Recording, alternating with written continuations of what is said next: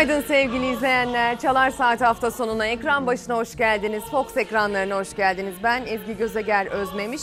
İşaret dili tercümanımız Meltem Küçük'le birlikte bugün Türkiye'den gelişmeleri aktarmak için yine her zaman olduğu gibi karşınızdayız.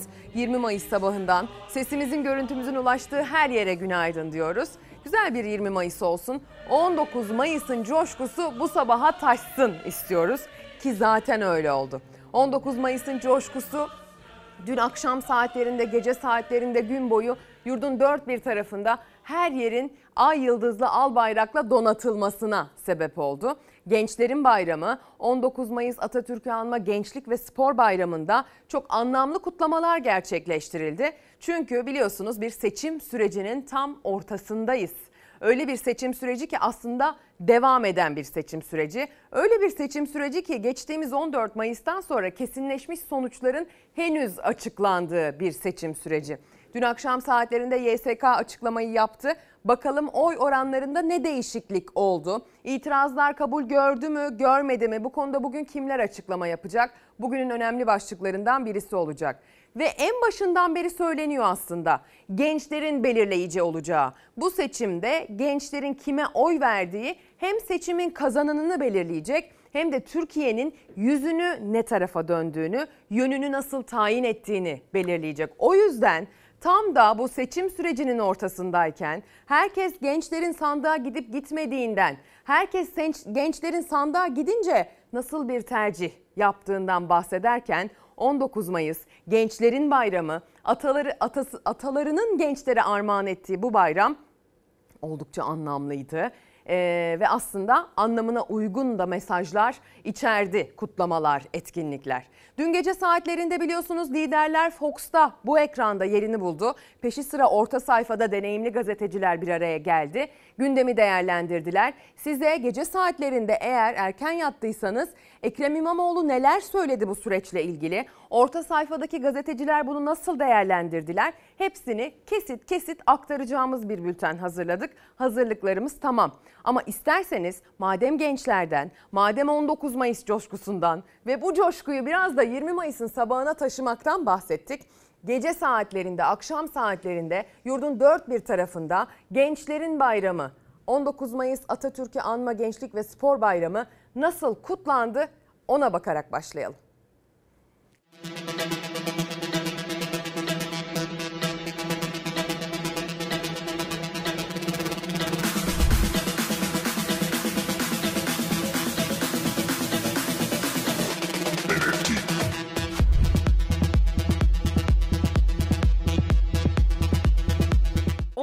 Mayıs coşkusunu yaşatmak, sürdürmek için binler sokaklara aktı dün gece.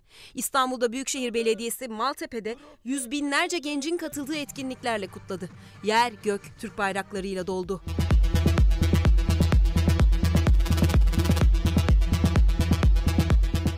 Ankara Büyükşehir Belediyesi'nin düzenlediği kutlamaların adresi Atatürk Orman Çiftliği'ydi. Sanatçı Sıla'nın sahne aldığı kutlamalara katılım yüksekti. Binlerce kişi 19 Mayıs coşkusunu doyasıya yaşadı. Kaç kere yüzüstü bıraktı yıldızlar, güneşin yalancı şahitleri. Gazi Mustafa Kemal Atatürk'ün 19 Mayıs 1919'da kurtuluş mücadelesini başlattığı Samsun'da Karsu heyecanı vardı.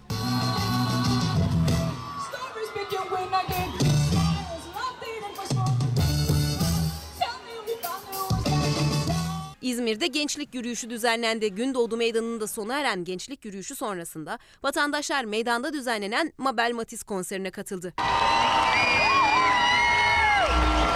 Eskişehir Büyükşehir Belediyesi Porsuk Çayı'nda gondol ve teknelerle Fener Alayı düzenledi. Pek çok ilde de Fener alaylarıyla aydınlandı sokaklar.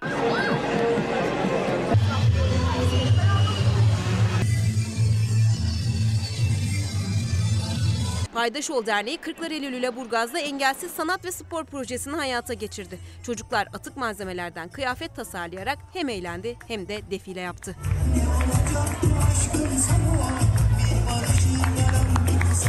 o tasarlayan elleri, o gözleri, o aklı seveyim sevgili izleyenler. Gençler, çocuklar, kendini hala gençten sayanlar. Ben elden ayaktan düşene, düşene kadar bir gençmiş gibi atamın izinden yürümeye devam edeceğim diyenler 19 Mayıs coşkusunu evinde, belki iş yerinde, belki sokakta, belki belediyelerin etkinliklerinde hissettiler. Ama tabii bir eleştiri sesi de yükseldi. 19 Mayıs itibariyle aslında son yıllarda bütün resmi bayramlarımızda, bütün milli bayramlarımızda bu böyle oldu. Neden biz artık bu bayramları eskisi gibi kutlayamıyoruz? Bu bayramlarda eskiden genç kızlar, genç oğlanlar çıkarlardı e, stadyumlarda, sokaklarda, caddelerde bando trompet takımlarıyla, dans gösterileriyle yüzünü batıya dönmüş pek çok etkinlikle aslında Cumhuriyet'in varlığını hissede hissede o milli duyguları en tavana çıkaran bir takım kutlamalar yaparlardı. Şimdi artık bu neden böyle olmuyor sesi de yükseldi. İlerleyen dakikalarda o sese de kulak vereceğiz.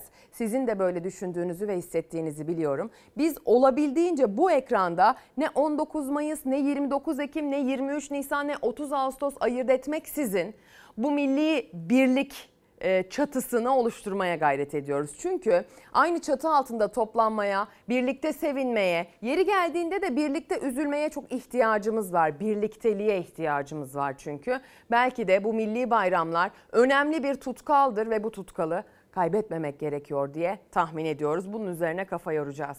Bugün bir başlık atmadık. Çalar Saat hafta sonu dedik. Siz de bizimle duygularınızı paylaşırken Çalar Saat hafta sonu başlığını kullanırsanız çok mutlu oluruz. Çok teşekkür ederiz sizlere. Yine Twitter ve Instagram üzerinden bize yazıp gönderebileceksiniz duygu düşüncelerinizi. Bugün önemli bir gün. Çünkü bugün saat 13 itibariyle İyi Parti Genel Başkanı Meral Akşener bir açıklama yapacak. 14 Mayıs'tan sonra kendisinden pek ses seda çıkmadı. Kurmaylarından açıklamalar geldi ağırlıklı olarak. Dolayısıyla bugün saat 13'te İyi Parti liderinden, Millet İttifakı'nın önemli bileşenlerinden biri olan Meral Akşener'den Gelecek ses, yapılacak açıklama e, merakla bekleniyor. Bugün aynı zamanda pek çok farklı birleşim, pek çok farklı e, program da var. Bunlardan da teker teker yeri geldikçe bahsedeceğim. Dünün en önemli canlı yayınlarından birisi ise yine bu ekranda gerçekleşti. Liderler Fox'ta serisinin e, son konuğu İstanbul Büyükşehir Belediye Başkanı Ekrem İmamoğlu'ydu. Ekrem İmamoğlu aynı zamanda biliyorsunuz Cumhurbaşkanı yardımcılığına aday Hemen isterseniz açıklanan kesin e, sonuçları şöyle bir görelim. Çünkü aslında Ekrem İmamoğlu'nun yaptığı açıklamaların bir kısmını aktaracağız. Biraz bununla ilgiliydi. E, Yüksek Seçim Kurulu Cumhurbaşkanlığı seçiminin kesin sonuçlarını dün akşam saatlerinde açıkladı ve gördüğünüz gibi gerçekleşti oranlar. %49,52 Recep Tayyip Erdoğan'ın oyu, Muharrem İnce'nin oyu %0,43, Kemal Kılıçdaroğlu'nun oyu %44,88, Sinan Oğan'ın oyu da %5,17. Aslına bakarsanız geçici olarak açıklanan e, seçim sonuçlarından farkı şu oldu. Muharrem İnce'nin %0,44'tü oy oranı. Ee, Recep Tayyip Erdoğan'ın da %49,51'di. Yani o 0,1'lik pay Muharrem İnce'den Recep Tayyip Erdoğan'a geçmiş oldu. Buna dair bir takım itirazlar var. Biliyorum sonuçlarını merak ediyorsunuz. Zannedersem o da e, bugün yarın netleşecektir. Buna dair açıklamalar yapılacaktır. O akşam 14 Mayıs akşamı farklı kaynaklardan veriler açıklandı. Partiler kendi verilerini açıkladılar. Özellikle Cumhuriyet Halk Partisi'nin açıkladığı veriler çok dikkat çekti. Aynı zamanda Anadolu Ajansı'nın da veri açıklamaya dair bir davranış biçimi ortaya çıktı. Buna dair Ekrem İmamoğlu bakın hangi yorumu yaptı. Elimizde bir veri vardı. Cumhuriyet Halk Partisi'nden gelen veriler vardı. Ve o veriler üzerine çıktık olan veriyi söyledik. Sayın Mansur Yavaş'la oturduk kafa kafaya verdik.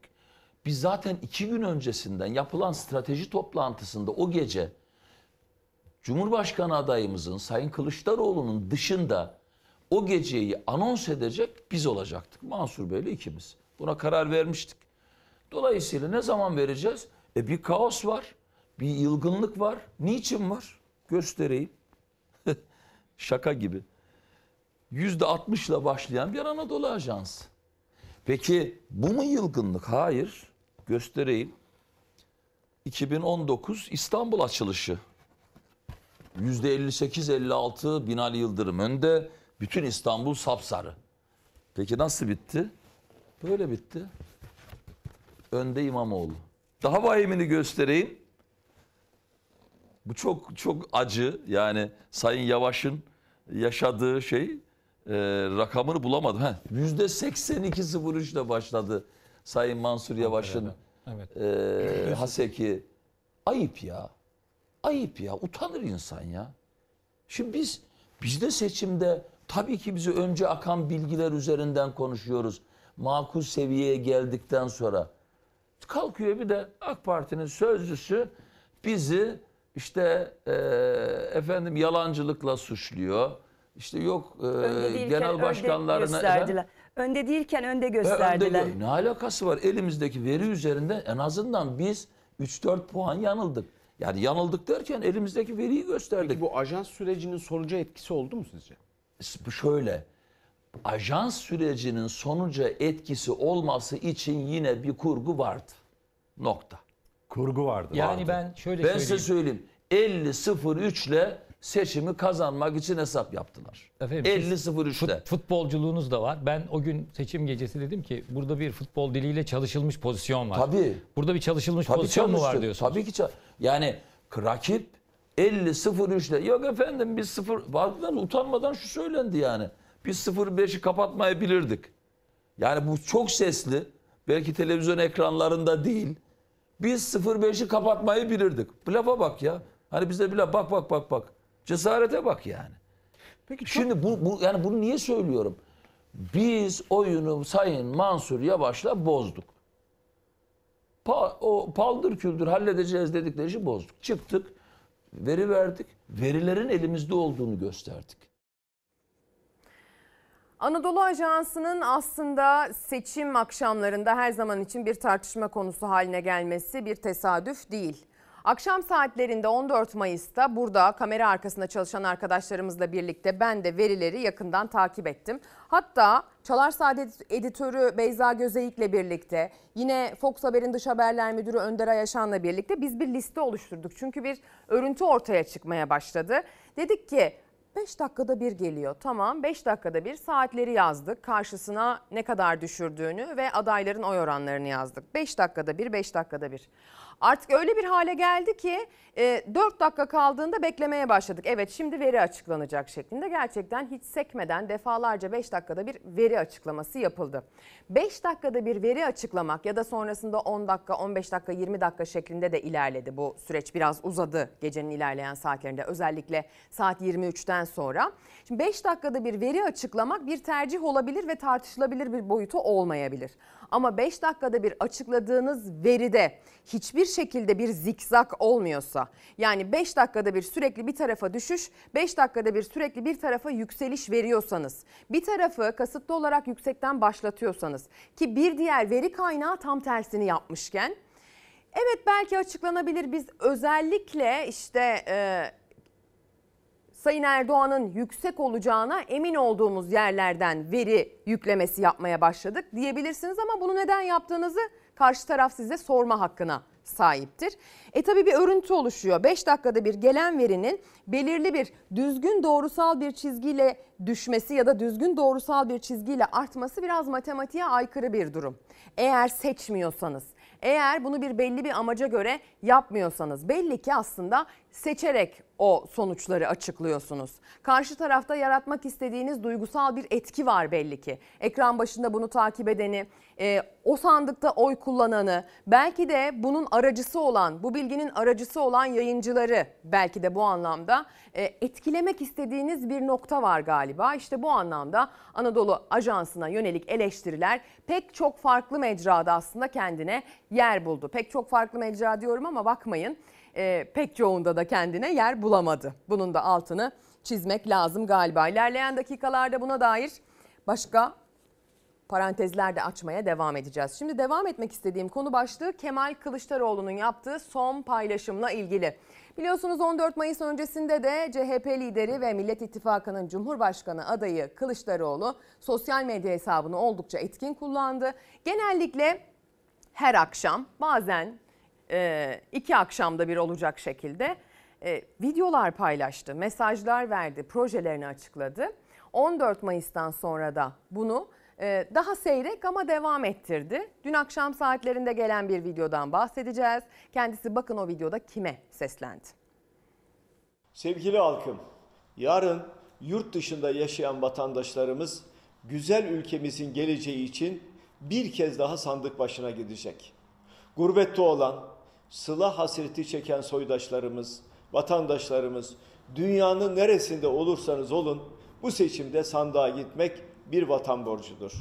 Çünkü bu mesele artık bir seçimden öte bir referandumdur. Bir önceki referandumun ardından neler yaşadığımızı gördünüz.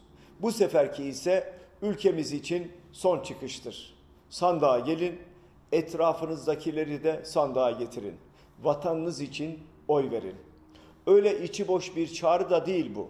Sorunlarınızı da o sorunların çözümlerini de gayet iyi biliyorum. Türkiye Büyük Millet Meclisi'nde güçlü varlık gösterebilmeniz için yurt dışı seçim çevresi oluşturacağız.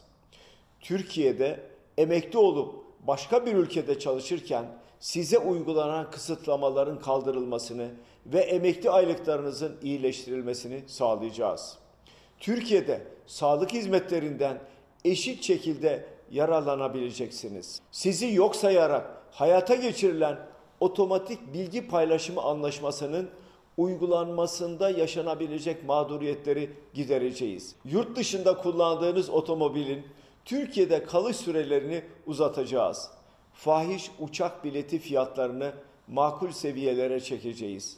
Türkiye'ye gelirken beraberinizde getirdiğiniz telefonların kullanım sürelerini uzatacağız. Mavi kartlı kardeşlerimizin sıkıntılarını vatandaşlarımızla eşit imkanlar sağlayarak çözeceğiz. Ve daha birçok adımı atacağız. Şüpheniz olmasın. Bu kez daha emin, daha kararlıyız. Sizleri önce oy vermeye, sonra da oyunuza sahip çıkmaya çağırıyorum. Unutmayın 28 Mayıs'ta oylarınızı korumak üzere 1 milyon kişi sandık başında olacağız. Bu demokrasi mücadelesine omuz vereceğinize yürekten inanıyorum. 28 Mayıs'ı işaret etti. 24 Mayıs'a kadar süreceğini ilave edeyim ben de yurt dışı temsilciliklerde Türk vatandaşlarının oy kullanma etkinliğinin 24'üne kadar saat 17'ye kadar gidip o sandıklarda oylarını kullanabilecekler. Biliyorsunuz sonrasında o sandıklar derleniyor, toplanıyor, getiriliyor Türkiye'ye. E, bir takım güvenlik önlemleri altında tutanaklarla, belgelerle, bir takım şahitlerle, parti temsilcileriyle beraber sonrasında hepsi e, seçim sonuçları ee, ne zaman oylar sayılmaya başlanıyor ve açıklanıyor onlar da aynı şekilde sayılmaya başlıyor saat 17'den sonra. Yani o gün oy kullanacağımız gün 28 Mayıs'ta e, saat 17'de sandıklar kapandıktan sonra yurt dışından gelen oylar da sayılmaya başlıyor. Tabi sınırlarda, gümrüklerde e, 28 Mayıs günü saat 17'ye kadar yani Türkiye sınırları içerisinde olduğu gibi oy kullanımı sürecek. Ve tabii ki Kemal Kılıçdaroğlu da diyor ki yurt dışında yaşayanlara lütfen gidiniz oyunuzu kullanınız diyor. Evet belki de çok yorucu. İnsanlar günlük hayatlarına dönmek, siyasete bu kadar çok e, dahil olmak istemiyorlar. Bu kadar çok siyaset konuşmak istemiyorlar. Herkes çok yoruldu. Bunu siyasetin aktörlerini bırakın. E, biz seçmenler olarak da aslında bir yorgunluk içerisindeyiz. Ama önemli bir seçim kritik bir seçim. Gençlerin özellikle sandığa gitmesinin çok önemli olduğunu iki taraf da dile getiriyor. İki tarafın da çağrıları her zaman için gençlere yönelik oluyor. İki taraf diyorum ki artık zaten bu bir referandum olarak nitelendiriliyor ve bu referandumda X kişisi mi Y kişisi misinden ziyade aslında bu ülkenin geleceğiyle ilgili karar verileceğinin altı çiziliyor her seferinde. Herkes bir başka köşesinden tutuyor diyor ki bu ülkenin geleceğiyle ilgili karar vereceğiz. Bu ülke için yeni bir sayfa açacağız diyor ama herkes farklı tanımlıyor tabii ki. Yeni Çağ gazetesinin manşetine bakalım. Diyor ki Yeni Çağ'ın Yeni Çağ'ın editörleri seçimin anahtarı küskünlerin elinde. 8 gün sonra yapılacak ikinci tur seçimde oy kullanmayan milyonlarca seçmeni sandığa gitmeye ikna eden ve geçersiz oyları kendi lehine çevirebilen kazanacak. Oy farkı 2,5 milyon. 14 Mayıs'taki seçimlerde Türkiye'de yaklaşık 6 milyon 700 bin kişi sandığa gitmezken geçersiz oylar da 1 milyonun üzerinde. İlk turda Cumhurbaşkanı adayları Erdoğan ve Kılıçdaroğlu arasındaki oy farkı ise yaklaşık 2,5 milyon. Bu rakamlar göz önüne alındığında öncelikli hedef küskünler olacak. Seçime katılım oranının genel ortalamalarının altında olduğu 19 il bulunuyor. Bu illerin 14'ü Kılıçdaroğlu'nun ilk turu önde bitirdiği iller. 1 milyondan fazla oy kullanmayan seçmenle İstanbul başı çekiyor.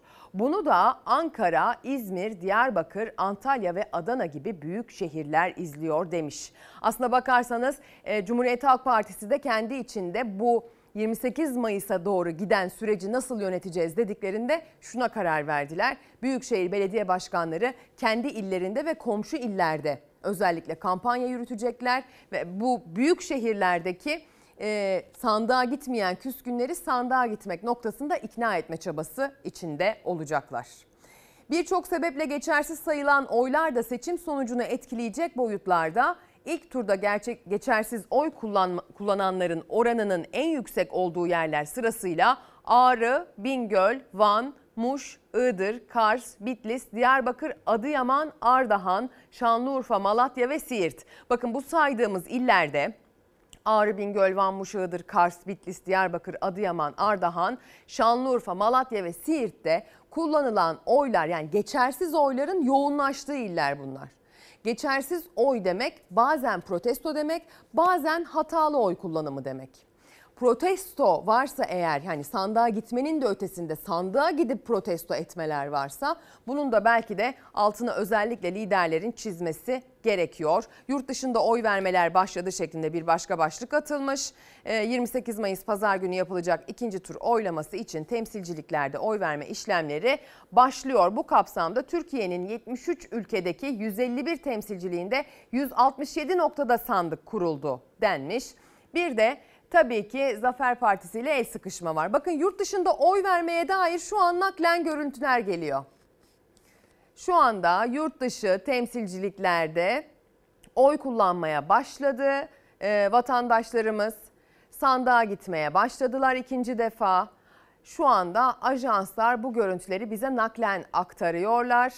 Yurt dışı oy verme işlemi başladı. Hayırlı uğurlu olsun. 28 Mayıs aslında seçimin ikinci turuna dair kilitlendiğimiz tarih ama yurt dışı oy verme işlemleri başladı ve 24'üne kadar da devam edecek sevgili izleyenler. 24'üne ee, kadar devam edecek. Hatırlarsanız 14 Mayıs'tan sonra bununla ilgili de bir tartışma olmuştu. Bazı adreslerde 2-3 günle sınırlı tutuldu. Bazı adreslerde 5 gün olarak ayarlandı. Sonrasında buna dair tepkiler yükselince her yerde bu sürenin 5 gün olarak değerlendirilmesine karar verildi ve e, tabii muhtemelen biraz mesafe ayarı yapıyorlar. Lojistik e, kısmına da biraz pay bırakarak belirliyorlar. Çünkü önceki seçimlerde de aslında her yerde eşit gün sayısı yoktu bakarsanız. Ama bu sefer süre daralınca iki gün eksik olması daha belirleyici bir hale geldi ve tepki aldı sevgili izleyenler. Hadi gelin o zaman bir de Pencere Gazetesi'nin bir detayına bakalım. Dijital bir gazete olduğu için bir sonraki detayı rica edeceğim e, dijital bir gazete olduğu için akşam saatlerinde, gece saatlerinde bir değişim, bir gelişme, bir güncel bilgi olsa bile Pencere gazetesi bunu e, sayfalarına taşıma şansına sahip oluyor. YSK kesin sonuçları açıkladı. Oy farkı 2 milyon 538 bin 671. 14 Mayıs'ta Cumhurbaşkanı seçiminin ilk turuna ilişkin kesin sonuçlar geldi diyor. Resmi gazetenin mükerrer sayısında yayımlandı. Buna göre Tayyip Erdoğan oyların %49,52'sini, Kemal Kılıçdaroğlu %44,88'ini Erdoğan e, aldı. Erdoğan yurt içinde 26 milyon 86 bin 102 oy aldı. Kılıçdaroğlu yurt içinde 23 milyon 873 bin oy aldı diye anlatıyor. Yurt dışında oy verme gününün başladığını söylüyor. Bir de AK Parti'nin başvurusuna red geldiğinin detayını düşmüş. Hakkari'de AKP'nin milletvekili seçimleri için sandık sonuçlarına ilişkin yaptığı itirazlar il ve ilçe seçim kurullarının ardından YSK tarafından da reddedildi. Hakkari'de resmi olmayan seçim sonuçlarına göre Yeşil Sol Parti %62,45, AKP %20,23, CHP %7,25 oy aldı. Bu sonuçla Yeşil Sol Parti 3 milletvekilinin 3'ünü de aldı diyor. Hakkari'deki itirazların reddedildiğinin detayını da düşmüş. Hadi gelin bizim hazırladığımız o tabloya da bakalım. İrfan Tomakin hazırladı onu göndersin gelsin. Kesin sonuçlar neymiş tekrar bir üstünden geçelim.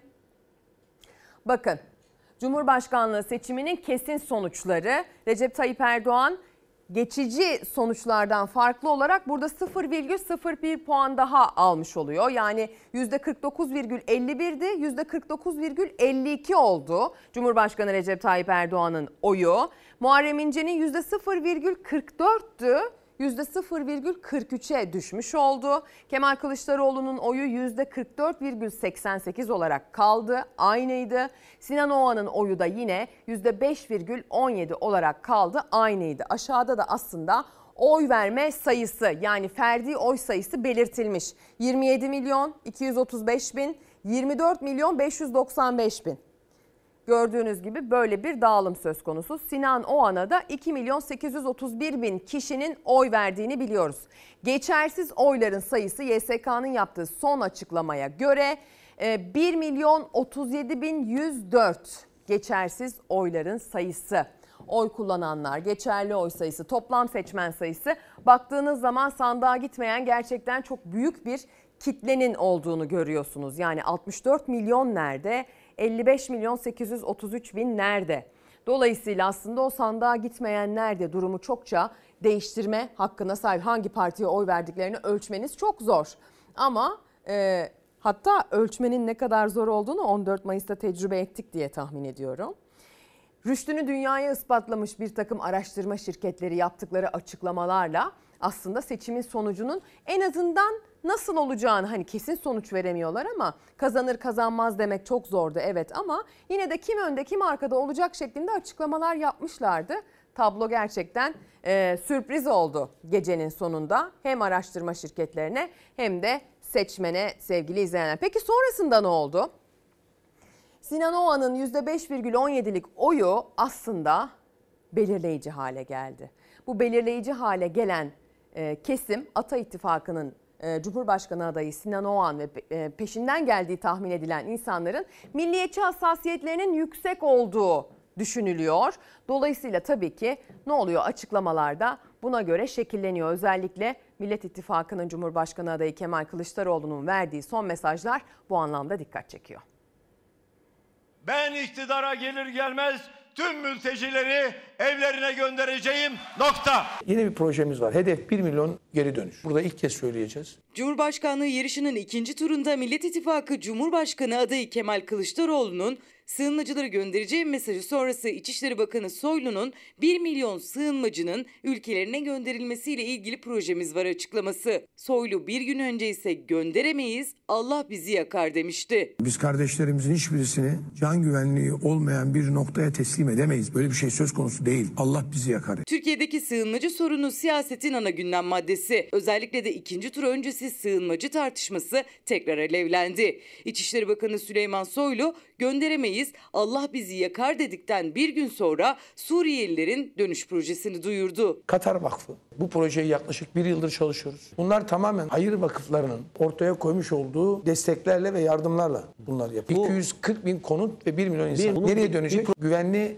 bölgeye dönecek. 2-2,5 yıl içerisinde bitirebileceğimizi değerlendir. Katar'la beraber yürütüyoruz projeyi dedi Soylu. Resmi rakamlara göre 3 milyon 388 bin sığınmacının olduğu sayının hiç artmadığını söyledi. Zafer Partisi lideri Ümit Özdağ da parti genel merkezinin duvarına Suriyelileri göndereceğiz afişi astı. Kılıçdaroğlu'nun açıklaması gündemindeydi. Ben iktidara gelir gelmez tüm mültecileri evlerine göndereceğim. Nokta. Kemal Bey'in dün ve bugün yapmış olduğu açıklamaları bakın. Gözlerimi kapattım kendim konuşuyorum seninle. Suriyeli STK'larla da onlarla da konuştuk. Sen ülkenin sınırlarına, namusuna sahip çıkmadın. Bu ülkeye bile bile 10 milyondan fazla mülteci getirdin. Muhalefetin sığınmacılar konusunda net tavrı, Soylu'dan bir gün arayla gelen iki farklı açıklama, sığınmacılar tartışması bir kez daha siyasetin sıcak gündeminde.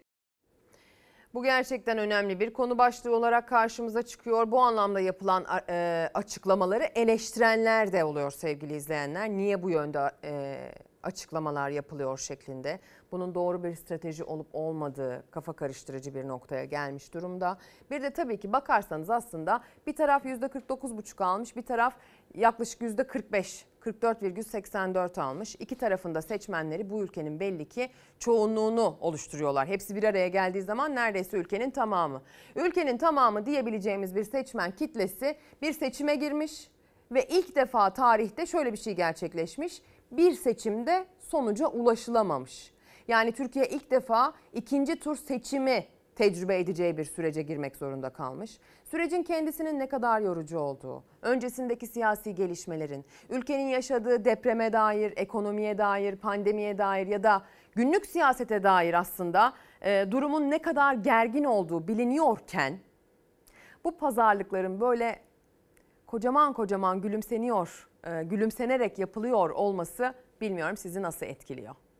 Yani doğru bir iletişim şekli mi? Seçmene ulaşmaksa bir sonraki aşamada hedef. Ee, herkes çünkü istemediği bir sonuçla karşı karşıya.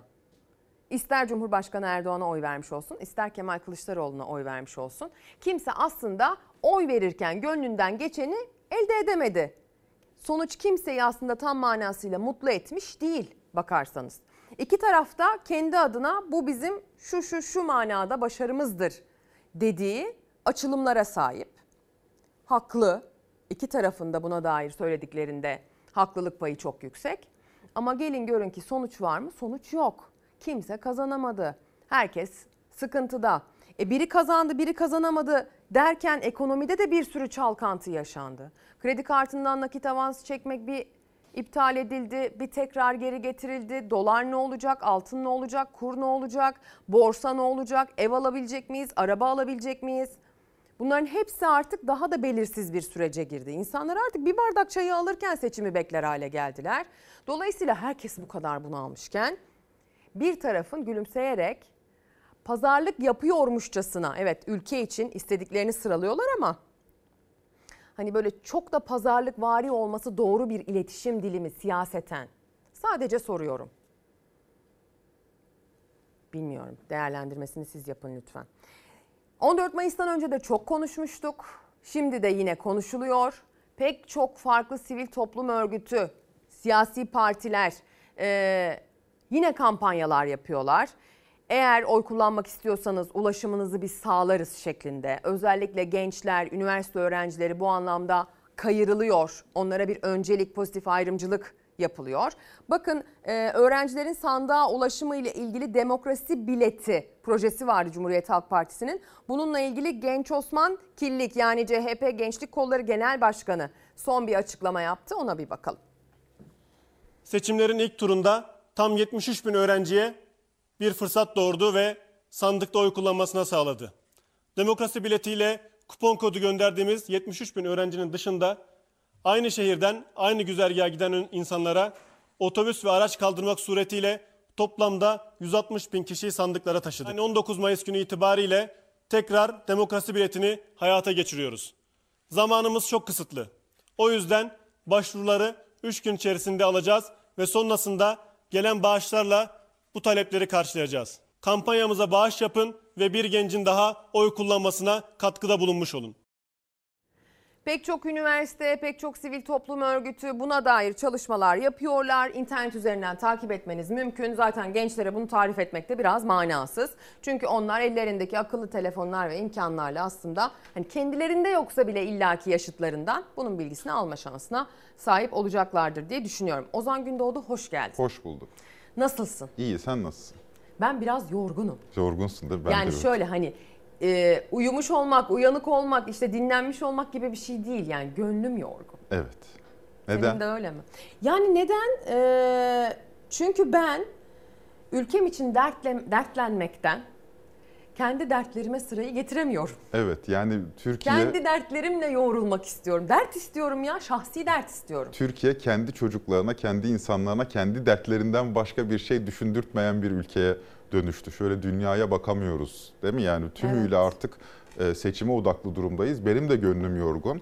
E, Çünkü e, aynı zamanda halk kesimleriyle iç içe yaşıyorsun. İnsanlar gazetecisin diye, televizyonda anlat diye dertlerini sana anlatıyorlar. O kadar derdi dinledikten sonra tabii şişiyorsun yani. Memleketin gittiği yer de öyle çok da keyif alınacak bir yer değil. Evet. Ve hal böyle olunca büyük bir gerginlik, büyük bir mutsuzluk havası, büyük bir umutsuzluk e, memleketin böyle her bir köşesine e, yansımış durumda. Şimdi ikinci tura gidiyoruz. 8 gün kaldı.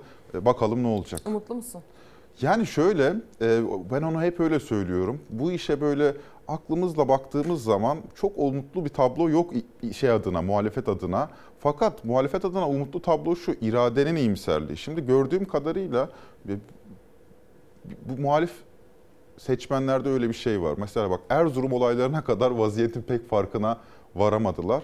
Bir süre sonra tam böyle bıçak kemiğe dayanınca vaziyeti anlıyorlar. Şu anda insanlar benim gördüğüm kadarıyla insanlar harıl harıl komşusunu ikna etmeye çalışıyor. Yapma gençler ailelerini ikna etmeye çalışıyorlar. Çünkü bu seçimde gördük ilk defa bu kadar yoğun şekilde aile ile genç arasında, ailenin evladı arasında bir politik kamplaşma oluştu. Mesela anne baba zorla çocuğunu Erdoğan'a oy verdiriyor. Gençler daha çok Kılıçdaroğlu veya değişimden yana. Yani Sinan Evet. Oğancı da olabiliyorlar. Erdoğancı olmayabiliyorlar. Çocuklar ba- anne babalarını e, işte İkna kendilerini ikna etmeye çalışıyorlar. E, bu, bu tablo bu tablo çok tuhaf bir tablo tabii yani. Teyzelerin röportajları, sokak röportajları yansıyor sosyal Evet. medyaya.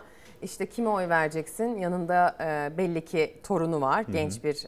İşte çocuğum bence hayırlısı olsun ama işte bizim oğlan şöyle diyor falan gibi böyle bir durum söz konusu gerçekten. Bu neden böyle oluyor? Bir Ben yaş kırılması. Hani bunun birçok nedeni vardır da, birçok nedeni vardır da ben en büyük nedeninin e, medya okur yazarlığı olduğunu düşünüyorum. Gençler medyayı daha doğru takip ediyorlar. Bana da mesela bazen akrabalarımdan, eşimden, dostumdan, WhatsApp'tan bir video geliyor mesela. Bir şey geliyor. Ya bunun Sence bu ne? bu ya şimdi bu bunu ben görünce işim gereği yani ya bu bu ciddiye alacak bir şey değil diyorsun ama Bunu söyleyen bunu- ciddiye alınmaz. Bunu işte ortaya Ha. atan bu mantıksız. Bunu diyorsun ama bunu ileri yaştaki insanlar internette gördüm diye inanıyor. Fakat genç yutmuyor. Hal böyle olunca gençteki bilgi ile, gençtekin kafasındaki bilgi ile ileri yaştakinin kafasındaki bilgi arasında fark oluyor. Fakat fakat bence bu noktada bir şey yapmak lazım. Yani objektif kriterleri belirlemek lazım.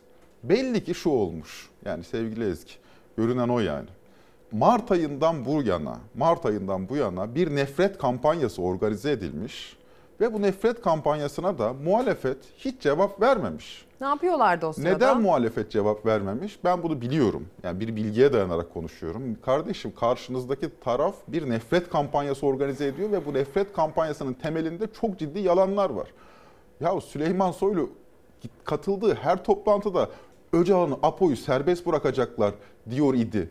İktidar medyasına çıkınca kimse de kim diyor efendim diye sormuyordu. Tek bir kere işte Habertürk'te Mehmet Akif Ersoy kim diyor ya Apo'yu serbest bırakacağız deyince İçişleri Bakanı afallamıştı "I, bu, bu falan filan demişti. Ya böyle bir şey var mı? Çocuklarınız eşcinsel olacak diye kampanya yapıldı burada. Çocuklarınız eşcinsel olacak biz gidersek diye kampanya yapıldı. Uzatmayayım. Bir biçimiyle bu iddialara cevap verilmedi. Neden cevap verilmediğini de söyleyeyim. Yani bu bilgiye de. Dediler ki kardeşim biz zaten önde görünüyoruz. Bu iddialar hiçbir işe yaramıyor. Bu nefret kampanyası bu topraklarda tutmuyor. Bak İstanbul seçiminde tutmuş muydu? İstanbul seçiminde de Öcalan'dan mektup okutmak zorunda kalmışlardı. Böyle bir hale gelmişti. Tutmuyor, yine tutmayacak. Dolayısıyla biz buraya cevap verip bu ce- bu tartışmayı bir de kendi tabanımıza tanıtmak istemiyoruz. Biz projelerimizi anlatacağız. Bay Kalp Kemal'in yapan tahtası eller. var Hı. falan filan. Kalp yapan eller, taş atan eller kıyaslamaları. Heh, aynen. Gerçekten de o Bay Kemal'in tahtasında büyük projeler anlatıldı bu memlekete. Fakat karşı tarafta böyle bir nefret kampanyası organize etmişsiniz ki bu ses duyuldu mu? Yani Kılıçdaroğlu'nun seçim vaatleri orada var mı? Hayır. Ve çok tehlikeli bir şey oldu. Çok tehlikeli. Bu seçimden bir hafta önce benim başıma geldi. Sonra seçimden sonra anladık ki herkesin başına gelmiş. Samsun'a gidiyorum, uçaktayım. İşte oturdum böyle bir yanımda biri oturuyor, bir yanımda biri oturuyor, ortada oturuyorum. İşte bu insanlar politik bir muhabbetin içindeler. Ben dedim ki ya siz Erdoğan oy vereceksiniz galiba deyince hemen yanımdaki döndü. Terörist miyim ben dedi. Hayırdır dedim. Yani ben Erdoğan'a oy vermeyeceğim. Ne demeye Sana demiyorum da dedi. Ya şimdi bak bu dün İmamoğlu'nu izlerken aynısı İmamoğlu'nun başına geliyor. Camide ya, camide. Hı. Hem de 10 yaşında, yaşında çocuk çocuk. 10 ya- bak 10 yaşında çocuk diyorsun. Dedim ya dertliyiz diye. Bak bana uzun uzun okumayayım şimdi. Bir Kürt vatandaşımızın evladını olaya bak yani. Sen böyle bir dil yarattığın zaman toplumda ortaya çıkan şey şu. Çocuğu dövmüşler okulda terörist diye. 9-10 yaşında. Tamam mı? Çünkü babasına terörist diyorlar. Babasına niye terörist diyorlar? Çünkü babası Kürt. Ya da Yeşil Sol Parti'ye oy veriyor. Çocuğu dövmüşler, çocuk ağlaya ağlaya geliyor. Adamcağız İstanbul'da yaşayan, Bağcılar'da yaşayan bir adamcağız. Ne yapmalıyım ben diyor. Çocuğumu terörist diye dövmüşler. Bak bu toplumun tam ortasına konulan dinamit. Koltuğunuz batsın. Hakikaten koltuğunuz batsın. Neymiş? Teröristmişiz. Niye? Öcalan'ı serbest bırakacak. Kim demiş ya? Bir kere de cevap verilmedi diye memleketin tam ortasına bir dinamit yerleştirilmiş. Çok açık söylüyorum. Tam ortasına bir dinamit yerleştirilmiş ve şu anda emin ol Ezgi, emin ol. Benim bunları anlatmam, senin ya ne terörizmi, ne ilgisi var, ne yapmışlar dememin hiçbir faydası yok. Çünkü insanımızı kör karanlığa hapsetmişler. Duymuyor, nefret ediyorlar bizden. Bak açık konuşalım bunu yani. Çünkü ya sen şuna inanırsan, ya Erdoğan giderse benim çocuğum eşcinsel olacak. Öcalan'ı serbest bırakacaklar. Kürdistan'a özellik verecekler. Bunlara inanırsan sen, ya bunların karşısında duran bir insan sevmen mümkün mü ya? Beni izlerken gönül gözüyle izlemesi mümkün mü? Ya bu çocuk ne diyor diye izlemesi mümkün mü? Bu saatten sonra vaatlerin falan bir anlamı kalmamış. Bir nefret kampanyasıyla ket vurulmuş gönüllerine insanların. İnanılmaz bir şey var. İnanılmaz o noktada o noktada başka tehlikeli bir şey daha var. Orada da bir de karşı tarafta bir de kandil ayağı var. Şimdi Kürtlerle konuşuyorum. Bir Yeşil Sol Parti seçmeni veya değil. Bölgenin insanı. Ya diyorlar ki Kandil açıklama yapmayınca biz Kılıçdaroğlu'na oy vermeyecek miyiz? Böyle bir algı yaratıyorlar. Ya bizim kira sorunumuz yok mu? Bizim hastanede randevu beklemiyor muyuz biz? Soğan Diyarbakır'da 2 lira mı? İstanbul'da 30 lirayken. Bizim asgari ücretimiz açlık sınırının üzerinde mi? Ya biz de değişim istiyoruz. Şimdi zaten hala hazırda değişim isteyen bir toplam var. Fakat bu toplamı sahiplenmeye çalışan da siyasi gruplar var. Ne yapıyorsunuz? Atıyorum Kandil'den açıklama yapılıyor. Değiş Bunu da iktidar medyası bütün şeye tanıtıyor. Bütün Türkiye'ye Bakın tanıtıyor. gördünüz mü? Ne yapmış oluyorsunuz? Ne yapmış oluyorsunuz? Ya bununla hiç ilgisi olmayan, yani Kandil'in talimatıyla hareket etmeyen 7 milyon insana, 7 milyon insana şunu demiş oluyorsunuz. Siz Kandil böyle o eli dedi kanlı diye. teröristler. Heh, bu eli kanlı teröristler böyle dedi diye siz destek veriyorsunuz. Ya bu bu ne demek? Bu tam bir terör propagandası. Tam olarak terör propagandası. Şimdi Kandil de diyor ki bakın biz dedik diye 7 milyon insan oy verdi. 7 milyon insana şu anda terörist diyor insanlar. Ortasına, istersen- milletin tam ortasına nifak sokmuşlar. Tam ortasına. Bunu ben sana bir şey söyleyeyim? Yıllarca aşamayız. Yıllarca aşamayız. Aşarız aşarız. Şimdi e, Ekrem İmamoğlu'nun dün akşam Liderler Fox'ta programında bu konuya hani sen de değindin ondan referans aldın. Ne dediğine bir bakalım özellikle terör konusunda bir izleyelim. dün akşam saatlerinde biliyorsunuz yayın konuğumuzda Ekrem İmamoğlu. Bakın buna dair açıklamaları ne oldu? Biz tek tek çıkıyoruz, anlatıyoruz. Ben millete anlatıyorum. Yani bir, ne yanıt diyorum ki bir, kardeşim bizim inancımızla dalga geçen, bizim inancımızı ya bize neredeyse yani cennetlik cehennemlik de ayıracaklar yani. Seçimi kazanırsa şampanyalarla kutlayacak diye Adalet Bakanı var bu ülkenin. Cumhurbaşkanı buna benzer insanların inancını, başta Cumhurbaşkanı adayımız olmak üzere Sayın Kılıçdaroğlu hala yani senin cinsini, cibiliyetini biliyorum cümlelerini kaç kez kullandığını ben artık utanıyorum söylemeye. Ve bizim bizim insanımızı inancıyla bölüyor. Camide bana diyor ki vatandaş yani o kadar cemaatte bir kişi çıkıyor. He sen cumaya gelir miydin? Arkadan bana laf at. Sana mı söyleyeceğim dedim cumaya gelirken giderken. Biz cami ibadeti gizli yaparız. Öyle öğrendik babamızdan dedemizden. Ama bunlar gözünün içine. Ben dedim ki o zaman şey mi yapmamız gerekiyor? Sana sana haber mi vermem gerekiyor? Ya da caminin içinde miting mi yapmam gerekiyor? Hatta sağıma Diyanet İşleri Başkanı'nı alıp soluma atıyorum şehrini valisini arıp miting mi yapmam gerekiyor caminin içinde? Bu duruma düşürdü. Şimdi anlatıyorum. Caminin içinde anlatıyorum, avlusunda anlatıyorum. Benim benim inançlı insanım, dindar insanım buna müsaade etmeyecek. Göreceksiniz. İki, FETÖ terör örgütüyle bizi iltisaklı yapmaya kalkıyorlar. Ya siz bu bu örgütü siz yarattınız. Siz büyüttünüz. Ne istediniz de vermedik diyen kim? Ne istediniz de vermedik diyen kim? Bu şehir, bu ülkede, bu ülkede 15 Temmuz sürecini taşıyan, oraya getiren sizin yaptıklarınız. Yani bu ülkenin ordusunun silahlarını evlatlarına çevirten sizin ortaya koyduğunuz düzen. Bunu anlatacağız. FETÖ'yle birinci derece iltisaklı sizsiniz. Ve ısrarla bizim dile getirmemize rağmen siyasetin içindeki FETÖ'yü deşifre etmediniz, edemediniz. Dolayısıyla siz bizi FETÖ'yle iltisaklı yapacaksınız. Hadi oradan. Hadi oradan. Terör örgütü PKK. Gelelim PKK'ya.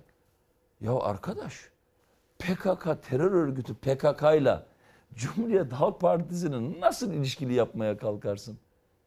Yani bu ülkede 2019'da seçime bir gün kala kırmızı bültenle aranan Osman Öcalan'ın Osman Öcalan'ı TRT ekranlarına çıkartıp Ekrem İmamoğlu'na oy vermeyin dedirten metni okutan siz değil misiniz? Dört sene önce. Bu açıklamalar bu şekilde dile geldi bu ekranda. Aslında şu soru çok yerinde. Neden daha öncesinde bu cevapları böylesine yüksek bir perdeden vermediler? Ozan bu anlamda aslında açıklamalar yaptı. Dedi ki işte e, sevgi dili kullanılmak istendi. Birleştirici, Halil İbrahim sofrası, e, birlik beraber. Ama bir de Onu baş... istendi. Bir de şu taktik olarak bunun tuttuğu varsayıldı. Çünkü anketlerde önde görünüyorlardı. Bir de şöyle bir şey vardı Ozan. Millet İttifakı cephesinde başka bir mücadele vardı son iki güne kadar. Evet. Neydi o mücadelenin adı? Bir Muharrem İnce Muharrem sinema. İnce. Tabii yani. Yani dolayısıyla aslında hani e, çekildim ben, benim yüzümden oldu e, diyemesinler dedi Muharrem İnce ama bir durup düşünmek lazım Şu diye oldu, düşünüyorum ben. Şu oldu. Şimdi bir kere kamuoyuna yansıyan anketlerin neredeyse hemen hepsi CHP Genel Merkezi'nde de var. Berbiye birbirine paraleldir. Yani CHP Genel Merkezi kamuoyu verileri ışığında ilk turda bu işin 49 ila 51 arasında bir yerde biteceğini, dolayısıyla ilk turda bitme ihtimali olduğunu, fakat ikinci tura kalırsa da Kemal Kılıçdaroğlu'nun 49 gibi bir oyla kalacağını varsayarak kampanyasını örgütledi. Şimdi hal böyle olunca dediler ki ilk turda bitirelim. İyi de ilk turda bitirmenin yolu ne? Ya kardeşim orada Sinan Oğan seçmeni var. Bunlar Erdoğan'ın değişmesini istiyorlar. Burada Muharrem İnce seçmeni var. Bunlar zaten bizim yan başımızdaki insanlar 2018'de beraber oy vermişti. Dolayısıyla burasını ikna edersek biz ilk turda bitiyormuş. Meğersem böyle değilmiş. Hatta tam tersiymiş.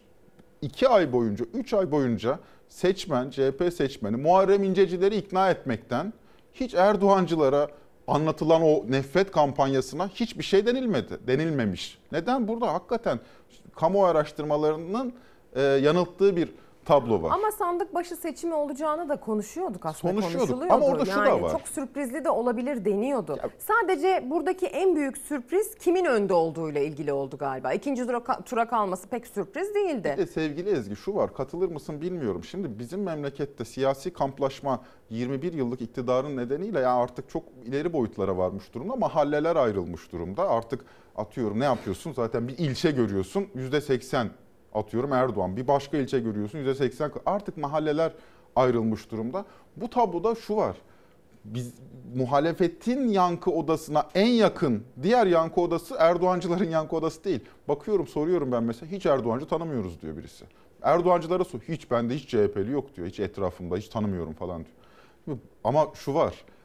muhalefetin yankı odasının hemen yanı başında Muharrem İnceciler Yani bu oldu. yankı odasında biraz açmanı istiyorum. Mesela şöyle bir şey. Hangi sosyal mecrada takılıyor olursanız olun. Elinizdeki akıllı telefonda siz eğer bir tarafın seçmeniyseniz diğer tarafın seçmenine yönelik yapılmış hiçbir video hazırlığını, hiçbir Evet, metin hazırlığını duymuyorsunuz. görmüyorsunuz. Evet. Karşı taraf hangi videoyu izliyor, hangi propaganda e, araçlarıyla karşı karşıya kalıyor bilmiyorsunuz. Ya mesela Herkes kendi yankı odasının içerisinde. Kılıçdaroğlu'nun videoları, Millet İttifakı'nın işte bütün kampanyaları hepsi kendi yankı odasında kalmış ki karşı tarafın da belli ki öyle, Tabii. oluyor. E, hal böyle olunca e, yanı başınızda kim var? İlk temasınızda kim var? E, Muharrem İnce seçmenleri. Muharrem İnce de o noktada Muharrem İnce seçmenlerine hiçbir şey denilmez bu süreçte. Ama Muharrem İnce bu noktada en sert eleştirilerine Erdoğan'a değil Kılıçdaroğlu'na dönük yapınca seçmen de Kılıçdaroğlu'na dönük eleştiriler. Çünkü onu yönlendiriyorsunuz sonuç itibariyle değil mi? Yani siz bir politik lidersiniz. Burayı yönlen. İki ay boyunca didişme yaşandı bu noktada. Bu didişme esnasında gerçekten Erdoğancılar kendi tabanlarına, kendi tabanlarına çok açık söylemek lazım. Yani gazetecinin göre hakikati söylemektir. Bir yalan propaganda ürettiler. Hatta deepfake, deepfake gibi böyle öne almaya dair bir takım Ya mesela şöyle çalışmalar şeyler. o. Deepfake bile değil. Araya montajla Ya mesela şöyle şeyler. Yerel yönetim özellik şartını kabul edeceğiz diyor Kemal Kılıçdaroğlu. Yerel yönetim özellik şartı AB mü- müktesebatının bir teknik düzenlemesi. Yani yerel yönetim bütçesini nasıl... Bunu ama şimdi video yapıyorsun. Hal böyle arkadan da Cemil işte PKK yöneticilerinden bir tanesi çıkıyor. Biz de özellik istiyoruz diyor. Ayda öyle bir algı var ki Kemal Kılıçdaroğlu Kürdistan'a özellik istiyormuş gibi bir sonuç çıkıyor. Hiç cevap verilmedi bunlara. Geçenlerde bir tanesi bize bütün şeye, bütün Türkiye'ye şu anlatılmış. O mutfak var ya, o Kemal Kılıçdaroğlu mutfağı değilmiş. O Kemal Kılıçdaroğlu mutfağı. Yani bu, bu, bu bir aslında bir sarayda yaşıyor kendisi. Bak, inanılmaz, akıl alır gibi değil. Biz Selvi Kılıçdaroğlu'nu bu zamana kadar niye tanımıyoruz? Çünkü Selvi Hanım terörist cenazelerinde. ya bak buna hiç cevap vermeyince sen ve sen ne yapıyorsun seçim süreci boyunca? Zaten 49 49 buçuklasın falan filan diye didişiyorsun Muharrem İnce ile falan. Muharrem İnce de sağ olsun şey en sert buraya yükleniyor. E, hal böyle olur. E bizde böyle bir şey var. Böyle bir algı da var. Çünkü senin adamın gol diyor derler sokak futbolunda. Yani sokak futbolundaki hakemlik senin adamındır. Kardeşim maç ed- maç ederken birisi faul yapar. Faulün gerçek olduğunu nasıl kabul edersin?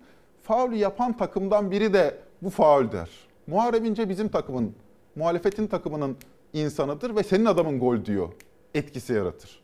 Ve bu bütün algıyı değiştiriyor tabii doğal olarak. Sen ona cevap verirken ya yapma kardeşim ne alakası var bak bu bu bir iktidar kampanyası derken Muharrem İnce dedi ki ben iktidardan da oy alabiliyorum. E hal böyle olunca bu bir didişme halinde yalan kampanyası üremiş durmuş. Kemal Kılıçdaroğlu'nun pozitif bir kampanya yürü- sürüttüğünü, yürüttüğünü söylüyoruz ya. Bu hakikat bu. Yani adamı takip ettiğin zaman şu hareketi şu olan tamam mı? Birleşe birleşe kazanacağız olan, her çevreye saygımız var diyen bir harekete bir, mesela hiç pozitif bir kampanya sürdürdüğünü düşünmüyorlardır Erdoğan seçmeni. Çünkü hiç duymadılar ki. Yani o Bay Kemal'in tahtasında anlatılanlar, videolarda anlatılanlar haberleri yok. Şu anda şunu biliyor. Kemal Kılıçdaroğlu gelecek. Yani bu- bunu zannet. İşte ilk kararname Kürdistan'a özgürlük. Böyle öyle bir kötülük diye onu yüklüyor yani. LGBT'yi bile belki de bir sürü insan böyle bir siyasi örgüt falan bile zannediyor olabilir. Olabilir şu var ya problem o. Biz gidersek LGBT'ciler gelecek ne demek? Anneyle çocuk niye bu kadar kavga ediyor bu Türkiye'de? Niye bu kadar kavga ediyor? Babayla oğlan niye kavga ediyor? Çünkü anneler evrensel değerlerden çok uzaklaştılar bu yani süreçte. çünkü de şunu Anneler, şunu babalar, dedeler. Şu, şu şu anlatıldı insanlara ya iki ay boyunca. Biz gideceğiz, Erdoğan gidecek. Senin de oğlun eşcinsel olacak. Hadi bakalım. Şimdi bu baba ne yapar? Seçim günü milyon tane kavga çıktı Evladı evlerde. için endişelenir. E, evlerde kavga çıktı. Evlat diyor ki ben Kılıçdaroğlu'na oy vereceğim. Baba diyor ki seni öldürürüm. Sen deli misin? Çünkü onun anlamı, Kılıçdaroğlu'na oy vermenin anlamı terörizmle, LGBT ile ve- vesaireyle falan eşdeğer. Ama halk kesimleri birbirine girince daha tehlikeli. Hep şeyi konuşuyoruz. İktidar seçmenin duygu durumunu konuşuyoruz. Muhalif seçmenin de duygu durumu haysiyeti kırılmış hissediyor kendisini. Yahu 3 aydır depremden bu yana hakaret işitiyorlar. Ve bu hakareti de bir halk kesimleri birbirine etmiyor. Açık konuşalım. Bizzat Adalet Bakanı'ndan, bizzat İçişleri Bakanı'ndan, bizzat Cumhurbaşkanı'ndan hakaret işitiyor.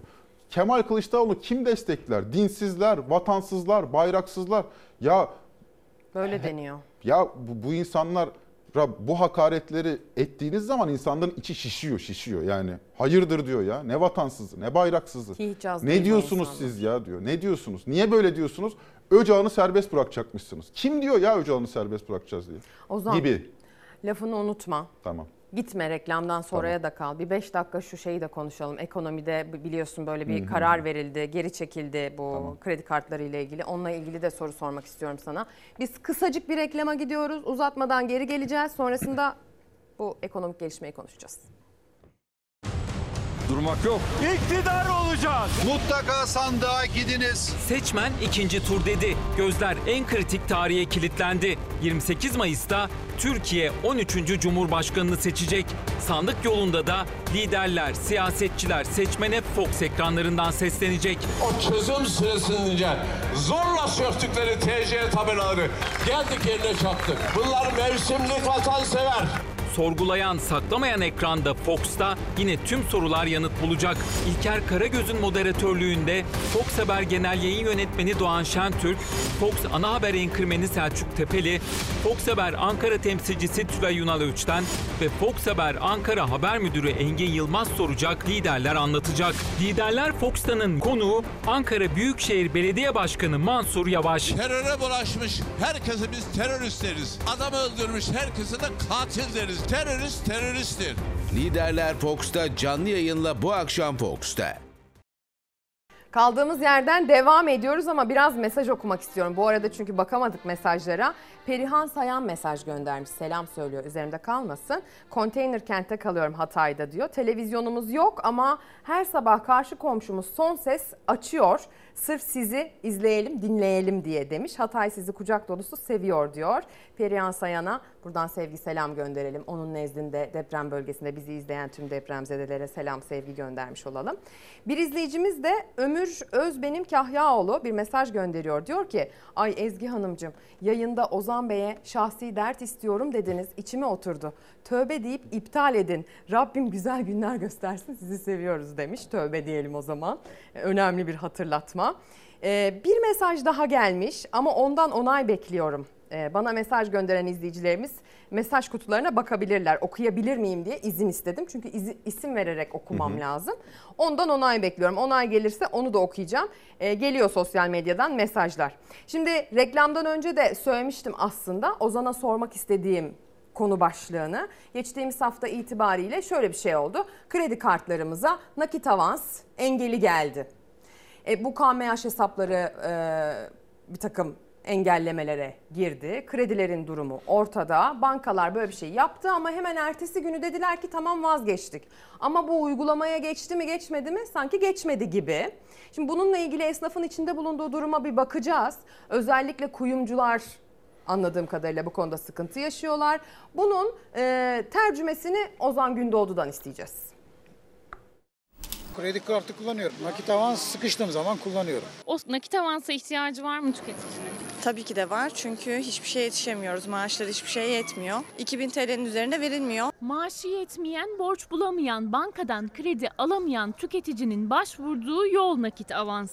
Merkez Bankası sınırlama getirmişti. Bir gün sonra karardan dönüldü. Kredi kartından nakit avans kullanımı ve kredili mevduat hesabı kredilerinde hiçbir sınır uygulanmayacak denildi. Nakit avansa kullanıyor musun? Onu tabii canım o kendi param gibi kullanıyorum böyle hazır çalışmış kenarda duruyor gibi kullanıyorum bir de. Ama zaten hepsi zor. Neyi kolay ki bankaların? En uygun borçlanma yolu tüketiciye göre kredi kartıyla nakit avans aylık bazda faiz oranı %1,36. Bireysel kredi çekmek isteseler faiz oranları aylık %4'lere kadar yükseliyor. Mevduat faizi fazla, ihtiyaç kredisi faizleri daha düşük. Kar zarar dengesini gözeten bankalar sınırlama kararının ardından nakit avansı tamamen durdurdu. Merkez Bankası karardan döndü ama deneyen tüketiciler yine kredi kartını kullanarak para çekemedi. Acil nakit ihtiyacı olanlar bu kez esnafın kapısını çalmaya başladı. Özellikle de kuyumcuların. Onu veren kuyumcular da var. Üzerine fark ekleyip e, daha pahalıya satıyorlar kartla beraber. E, Talep hep vardı yani. Kredi, kredi kartıyla çeyrek altın, tam altın, gram altın alıp bozdurma hep vardı yani. Kredi kartıyla çeyrek altın ya da yarım altını vereyim daha sonra da nakite döndüreyim, bozdurayım gibisinde. Bankadan kredi alamayan tüketicinin ilk talebi kuyumcudan altın alıp o anda geri satıp kredi kartından nakde çevirmek parayı. Fakat buna da engel olmak adına kuyumculara da bilgi gitti. Kredi kartıyla işlem yapamazsınız dendi. O kısıtlama da bugün kalktı ama sistem yine açılmadı. Hem tüketici hem esnaf mağdur oldu. Kredi kartlarının altın alışverişine kapatılması olayı bizleri kuyumcuları çok etkiledi yani. Yani alışverişimiz neredeyse durma noktasına geldi. Çünkü çoğu insan kartla alışverişini yapıyor. Borçsuz döndürebileceği kısa zamanı bile yok dar gelirlinin. Banka ve kuyumcu olmayınca farklı yollar aranıyor. Bu kez eş dostun kapısı çalınıyor ya da en temel beslenme ihtiyacı bile bir kenara bırakılıyor. İhtiyacım olduğu zaman almamayı tercih ediyorum. Eşten dosttan bir şekilde oluyor. Kazandığımızla çevirmeye çalışıyoruz. Yani biraz da buna itilmiş durumdayız aslında. Borç almak da hoş bir şey değil tabii ama döndürmek için mecburuz. Bankadan borç alanlar artık eş dosttan borç alır hale gelecekler galiba mecburiyetten. Bunun anlamı ne Ozan? Neden böyle bir kural geldi? Sonrasında neden geri çekildi? Neden böyle bir kural geldiğini şöyle bir 3 ayda 4 ayda neler yaşadığımızla ilgili olduğu için çok kısa özetleyeyim. Şimdi bir kere Türkiye ekonomisinin finansal yapısı zaten gergindi. Bunu herkes kabul ediyor. Enflasyon %80'e çıkmış, beklentiler bozulmuş. Enflasyon %80'e çıktığı ortamda kredi mekanizması yavaşlar. Çünkü kredi vereceksin de yüzde kaç faizle vereceksin? Beklentiler önemli olur. E şimdi ya %90 olursa enflasyon ben %30 faiz aldım o çöp oldu benim param gibi. Şimdi bu ortamda deprem o finansal beklentileri tümüyle bozdu. Daha da bozdu, daha da gerdi. Fakat seçim var. Bu seçim sürecinde ekonomide herhangi bir e, olumsuz tablo yoktur görüntüsü verebilmek adına ekonomi yönetimi daha doğrusu iktidar artık ekonomi yönetimi bağımsız değil çünkü iktidar politik iktidar bu noktada finansal istikrar için çok ciddi bedel ödedi. Rezervleri eritti, kapalı çarşıda altın satıldı. Yani ciddi bir stres kaynağı vardı ve fakat ve fakat anketlerin de etkisiyle bir değişim rüzgarı satın alındı ve son haftaya geldiğimiz zaman 14 Mayıs haftasına geldiğimiz zaman çok ilginç bir şey yaşadık biz. Ülke risk primi düşmeye başladı. Döviz talebi düşmeye başladı. Borsada hareketlenme yaşandı. Bu aslında son anketlerle beraber değişimin satın alındığını gösteriyordu. Fakat 14 Mayıs beklentinin dışında gerçekleşince değişim olmayacak, değişim umuduna ket vurulunca döviz talebi birden arttı. Şimdi bunu hiç vaziyeti anlamayan, hiç ya da ekonomi okuryazarlığı olmayan insanların anlaması çok zor. Şöyle düşünün. Erdoğan bir daha kazanırsa doların 30 lira olacağını düşünüyorsam ve ben bir iş insanıysam ne yaparım? Şunu yaparım. 4 ay sonra 5 ay sonra sipariş etmeyi düşündüğüm bir mal tedarikini şimdiden yapıp stoğa koyarım. Neden? Çünkü henüz 30 lira olmadan ben bunu yapayım, stoklarımı büyüteyim. Bir anda ithalat talebi arttı, sipariş talebi arttı. Mesela 5 ay sonra ya vadeli bir döviz borcunuz var. Ne yaparsınız? Doların yükseleceğini düşünüyorsanız şimdiden pozisyon alırsınız. Ve bir anda 14 Mayıs'tan sonraki yani bu hafta içinde döviz talebi, spekülatif döviz talebinde bir artış yaşandı. Bu artışa karşı bankalar şunu yaptılar. Haklı olarak. Dövize akmasın insanlar diye Türk lirası mevduatlarının faiz oranı yükseldi. Kur korumalı mevduatın faiz oranı yükseldi. Mevduat faiz %35'e %40'a dayandı. Şimdi bu ortamda kredi faizlerini yukarıdan bastırırsanız siz BDDK aracılığıyla, Merkez Bankası aracılığıyla derseniz ki siz kardeşim mevduat artsın, Türk lirası değerlensin ama piyasaya da para pompalanmaya devam edilsin derseniz bankalarda şu eğilim ortaya çıkıyor. Ya bu krediyi de vermesem daha iyi ya sanki eğilimi ortaya çıkıyor. Biz bu eğilimi 3-4 aydır gözlüyorduk zaten. Yani gidiyorsunuz faiz %25 diyor, %20 çok cazip diyor. E tamam o zaman ben gideyim de bu faizden faydalanayım, bu krediden faydalanayım diye gidiyorsunuz. İyi de o tabelada sana kredi vermiyor ki. Yani öyle faiz düşük sözde. İyi de kredi alamıyorsunuz. Bu iş 14 Mayıs haftasına geldiği zaman şöyle bir boyut kazandı. Ya kredi verildiği zaman alınan krediyle insanlar gidiyorlar dolar alıyorlar. Dolar alıyor deyince millet şöyle düşünüyor. Ya işte kişisel vatandaşın yaptı. Hayır iş dünyası bu. Niye dolar alıyor? E çünkü yükseleceğini, mal sipariş edecek, borcunu ödeyecek, pozisyon alıyor. Yani böyle bir operasyon gibi düşünmemek lazım. Bu noktada ekonomi yönetimi bir panik karar aldı ve dedi ki kesin kardeşim. Kesin vermeyin. Kredi mekanizmasını durdurdu. Bu şuna benzer. Işıkları kapatıyorum ben. Işıkları kapatınca dolayısıyla herhangi bir icraat, herhangi bir şeyde olmuyor. işlemde olmuyor. Türk lirası vermezseniz siz piyasaya e, o Türk lirasıyla dolar da alınamıyor, döviz de alınamıyor. Dolayısıyla piyasayı kapatıyorsun. Böyle olunca insanlar, iş dünyası kredi kartlarına yöneldi. Kredi kartları deyince cebinizdeki 10 bin lira limitli kredi kartından bahsetmiyorum. Ticari kredi kartlarından, kurumsal kredi kartlarından bahsediyorum. Ya madem para yok, yine şimdi bir iş insanının yerine koyalım kendim. Konuşup konuştuğum birisinin derdini anlatıyorum. Ozan Bey vadeli çekim var diyor. Ben bu çeki ödemezsem hapis cezası alacağım. Bu çeki ödeyebilmem için bugün çalıştığım bankadan kredi alabilmem lazım. Ya ben 20 yıllık itibarlı bir tüccarım. Banka kredi vermiyor. Çeki ödeyemeyeceğim. Ne yapar bu kişi? Tefeciye gidiyor. Tam olarak bu oluyor. Tefeciye gidiyor. Çünkü o parayı ödemez hapse girecek. Çeki yanacak. İtibarı sarsılacak. Bir daha kredi çekemeyecek. Ya da ne yapacak? Ya nakit avans çekeyim bari diyor. Faizse faiz boş ver. 1.36 faizi var. O dakika nakit avansı da kapattılar. Bunu şöyle izah ediyorlar. Ya yalan kampanyası diyorum ya. Cevap vermek gerekiyormuş demek ki hakikati savunanların. Operasyon çekiliyor Türkiye ekonomisine diye servis ettiler. Bilmiyorlar ki kararı Merkez Bankası aldı. Kararı Merkez Bankası aldıktan sonra vaziyet daha da bir panik. Lan ne oluyoruz diye millet birbirine baktı. Ertesi gün kararı kaldırdılar. Sosyal medyada vaziyeti anlatan bir şey yaptım, bir yazı yazdım. Altta ne yalan konuşuyorsun diyor. Ya kardeşim Merkez Bankası'nın aldığı karar bu deyince susuyorlar. Mesela şeyde bizim bir, bir önceki bölümde konuştuğumuz şeyden sonra ne yani yalan mı? Kemal Kılıçdaroğlu özellik vermeyecek mi demiş. Kemal Kılıçdaroğlu şeyini paylaşıyor. Yerel yönetim özellik şartını kabul edeceğiz diyor. Kardeşim yerel yönetim özellik şartı. İşte bunu demek ki anlatmak gerekiyor. Muhalefet de bunu beceremedi. Yerel yönetim özellik şartı dediğiniz tıpkı şimdi olduğu gibi bu ekonomik operasyon falan filan yalan olduğu gibi yerel yönetim özellik şartı dediğiniz bir mali iktisat revizyonudur. Yani yerel yönetimin, belediyenin, belediyenin iktisadi bağımsızlığı için bir AB uyum yasasıdır, teknik bir şeydir yani. Ama bunu siz şöyle tanıttığınız zaman bu adam muhtemelen işte bir bölgeye özellik verir. Özellik lafını böyle büyütüyor. Özellik istiyor. Ya ne alakası var? AB uyum programındaki teknik bir düzenleme. Adam bunu 3 yıl önce, 4 yıl önce bir toplantıda söylemiş. Bunu da kabul etmemiz lazım falan filan demiş. Çünkü başka türlü Avrupa Birliği ile ticaret yaparken zorlanıyorsunuz. Bir dolu iş devreye giriyor. Teknik bir şey. Onu al, köpürt, köpürt, köpürt, köpürt, köpürt.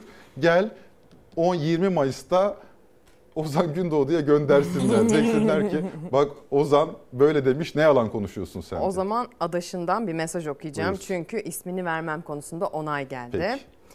Ee, diyor ki Ozan Yurt, sormayın Ezgi Hanım, annemle babamla bir haftadır küsüz. Aynı sofrada yemek yiyemiyoruz. Neden oyumuzu Cumhur İttifakı'na vermedik diye kötü bir durumdayız demiş. İsmini vermeyi özellikle istiyorum. Çünkü bu bana mesaj kutuma gönderilmiş. Herkesin görebileceği yorumlara gönderilmemiş. E, ismini vermezsem bu sefer ben uyduruyor pozisyona düşmek Hı hı. istemediğim için izin vermek, izin istedim kendisinden okuyabilir miyim isminizle birlikte diye.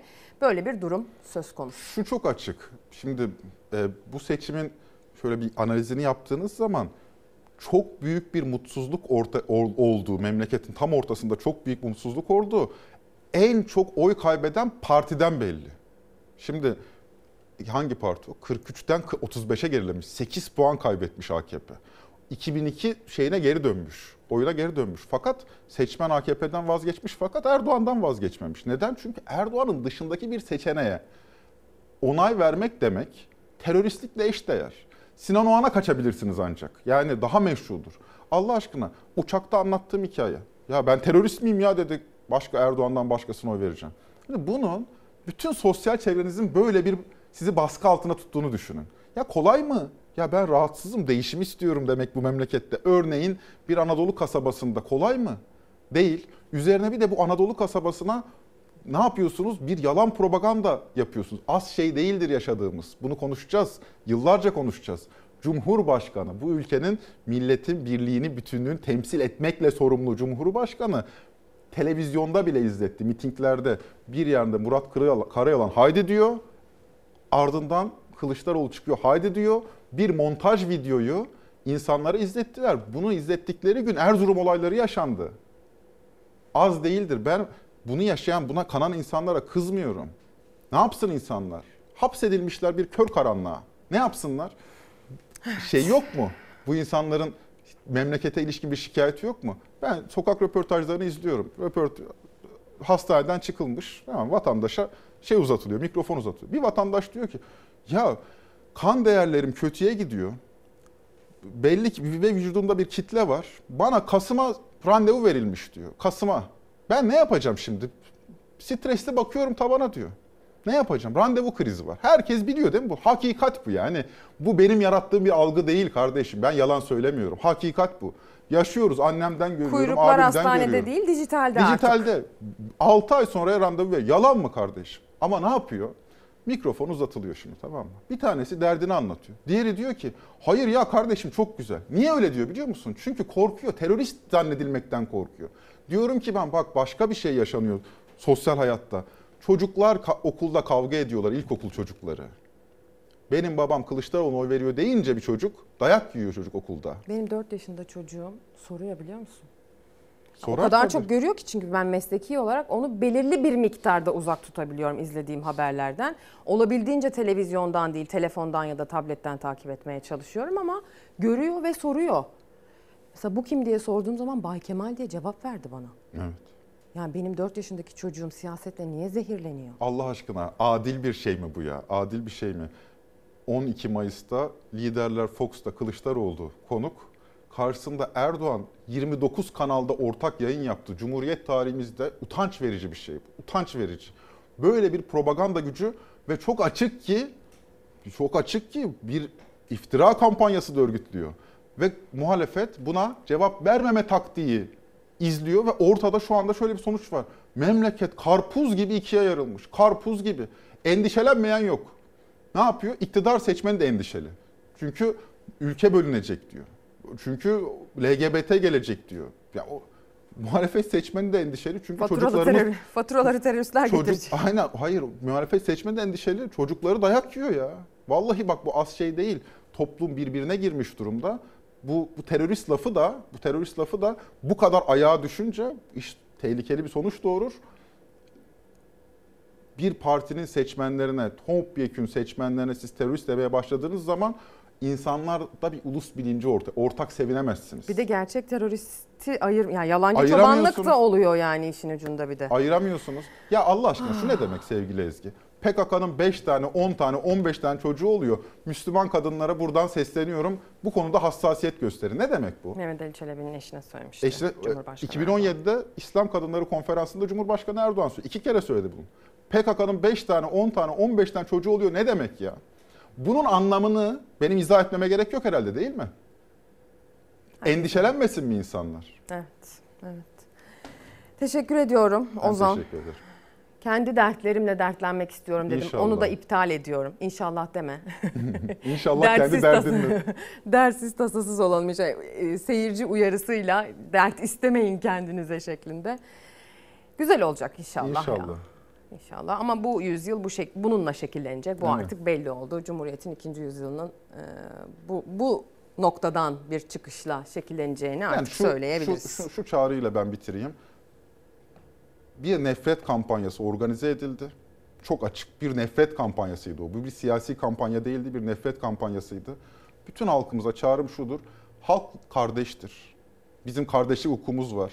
Biz terörist değiliz, vatansız değiliz, bayraksız değiliz. Kalbimizi kırmayın. Bu kadar. Teşekkür ediyorum Ozan Gündoğdu. Ağzına, gönlüne sağlık diyorum. O zaman siyasilerin peşine düşelim. Biliyorsunuz seçim sattım halindeyiz hali hazırda. Seçimin devam ettiği bir süreçteyiz. Ee, Cumhurbaşkanı Recep Tayyip Erdoğan ikinci tura ilişkin beklentilerini uluslararası basına anlatırken dikkat çekici birkaç açıklama yaptı. Sonrasındaysa sürpriz iki görüşme gerçekleşti. Sinan Oğan'la Erdoğan'ın görüşmesi biraz sürprizdi. Diğer cephedeki görüşmeye Zafer İttifakı'yla Millet İttifakı'nın adayını görüş, Zafer Partisi ile e, Millet İttifakı'nın görüşmesine de bakacağız ama isterseniz önce Cumhurbaşkanı Erdoğan cephesiyle başlayalım. CNN International'la ne dedi? Sinan Oğan'la görüşmesinden neler yansıdı? Sinan Oğan ikinci turda kime desteğini açıklayacak sorusuna yanıt aranırken sürpriz buluşmadan ilk kare Erdoğan Ata İttifakı Cumhurbaşkanı adayı Sinan Oğan'ı İstanbul'da Dolmabahçe Çalışma Ofisi'nde kabul etti. Erdoğan o buluşmadan önce CNN International'ın Sinan Oğan'la pazarlık masasına oturacak mısınız sorusuna Sinan Oğan'ın isteklerine boyun eğmem demişti. İkinci tura Ben bu şekilde müzakere etmeyi seven biri değilim. Bu işin kaderini belirleyecek olan Türk halkıdır. Sinan Oğan'ın isteklerine boyun eğmeyeceğim. Oğan ikinci turda yarışmıyor. Bu iş bitti. İkinci turda Kılıçdaroğlu ve Erdoğan var. Sinan Oğan'la görüşme Erdoğan'ın resmi programında yer almıyordu. Kılıçdaroğlu ile Özdağ bir araya geldikten dakikalar sonra duyuruldu. Oğan Kılıçdaroğlu ile yapacağı olası temastan önce Erdoğan'la fotoğraf verdi. Şu anda e, Sinan Ogan'ın müşterisi çok. Yani Sinan Bey'in de çok havaya girmesi yanlış. Aldığınız oyu pazarlamaya kalkarsanız ne yapıyorsun kardeşim yani? Benim sana verdiğim oyları senin pazarlık konusu yapma hakkını kim verdi diye sorar seçmeye. Muharrem İnce çekilmeseydi aynı oyu alacak mıydı? Bu %5 Zafer Partisi'nin oyu değil. Tepki oyları, milliyetçi oylar, Suriyeli karşıtlığından, İnce'nin çekilmesinden dolayı verilen oylar. Homojen bir yapı yok. Yıllarca aynı partiye oy vermiş olsalar diyebilirim ama bir kere oy vermiş insanları maraba gibi görmek kötü bir şey. Cumhur İttifakı cephesinden havaya girdi. %5 Sinan Oğan'ın oyu değil açıklamaları. Erdoğan'la Oğan'ın buluşması siyaseti dalgalandırdı. 28'inde bu işi benim milletim bitirecek. Onun için benim milletimden ricam şudur. Sizlere inanıyorum. İnşallah 28 Mayıs'ta öyle bir zafer elde edelim ki 29 Mayıs fethini hep birlikte kutlayalım. Erdoğan'ın ikinci tur mesajında 29 Mayıs İstanbul'un fethi vurgusu da dikkat çekti. Rekor oyla ikinci turu bitireceğiz dedi. Allah'ın izniyle ikinci turda rekor bir oy ve oranla milletimizin bize Cumhurbaşkanlığı görevini tekrar 5 yıllığına tevdi edeceğine inanıyoruz. Erdoğan Cumhurbaşkanlığı ilk turunda 49,5 oy aldı. Cumhurbaşkanlığı hükümet sisteminin ilk 5 yılı sonrası ilk turu geçemedi. Partisi 2002'deki oy oranına geriledi. AK Parti'nin 2018 seçimlerine göre oyu %7 düştü. Milletvekili sayısı 28 azaldı. Ama mecliste çoğunluğu sağlaması üzerine ikinci tur kampanyası da meclis bizde, yürütmede bizde olmalı diye yapıyor. Onlar sandıktan çıkan en açık mesajları bile alamayacak, hatta tam tersine çevirmeye çalışacak kadar ülkelerinden ve gerçeklikten kopmuş durumdalar. Cumhurbaşkanı Erdoğan şoför esnafıyla buluşmasında konuştu. Hedefinde Millet İttifakı ve ikinci turda rakibi Kılıçdaroğlu vardı. Koalisyon masasının kendi içinde hesaplar biraz karışık. Hava biraz dumanlı. Bunu örtmek için de Kılıçdaroğlu hemen çıkıp siyasette seviyeyi daha da düşürmeye, insanlarımızı kutuplaştırmaya başladı. Milletle inatlaşarak, millete hakaret ederek, milleti tehdit ederek siyaset olmaz. Akşam saatlerine doğru da İstanbul Modern'i gezen Erdoğan Galata Port'ta vatandaşlarla sohbet etti. Haliç Kongre Merkezi'nde düzenlenen hemşehri dernekleri buluşmasında seçmenine zafer sarhoşluğuna kapılmayın diye seslendi. Rehavet yok. Zafer sarhoşluğu yok. 14 Mayıs'ı 28 Mayıs'ta tamamlayalım. 29 Mayıs İstanbul'un fethiyle bunu inşallah taşlandıralım.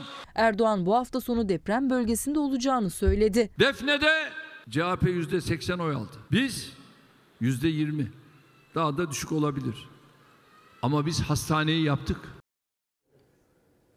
Mesajlarınız geliyor sevgili izleyenler. Biraz da gazete manşetlerine bakacağız. Kemal Kılıçdaroğlu'nun son mesajlarıyla devam edeceğiz sonrasında. Pencere gazetesinin ikinci detayı bugün ilk sayfasında yer alan detaylardan birisi. Ee, az evvel çok da bahsettik ekonomiden. Biraz bunun altını çizmenin zamanıdır. Piyasalar merkezin deneme tahtası oldu başlığını atıyor Pencere gazetesi. Bakan Nebati'nin etkisiz hale getirmekle övündüğü Merkez Bankası'nın kararları piyasayı artık şaşırtmasa da ekonomik işleyişi aksatmaya devam ediyor. Merkez Bankası kredi kartlarıyla nakit avans çekimi dahil kredilere getirdiği kısıtlamayı 24 saat sonra kaldırdı. Profesör Doktor Yalçın Karatepe ben koydum ben kaldırdım yetki benim kime ne e, şeklinde yorumlamış. Ekonomist Uğur Gürses operasyon çekiliyor zannetmiştik demiş. Kerim Rota deneme yanılma yoluyla ekonomiyi yönetmek tam da bu işte sözleriyle ekonomi yönetimini eleştiren uzmanların e, sözlerine yer veriyor gazete. Pencere gazetesinin manşetine baktığımızda ise ne görüyoruz? Bu karede montaj yok Erdoğan. CHP lideri paylaştı diyor. AKP lideri Erdoğan mitinglerde TV'deki canlı yayınlarda montajlanmış görüntüleri gerçekmiş gibi anlatarak CHP'yi terör örgütü PKK ile bir göstermiş. AKP'liler PKK'lı sahte afişler bastırıp dağıtarak kara propaganda yapmışlardı.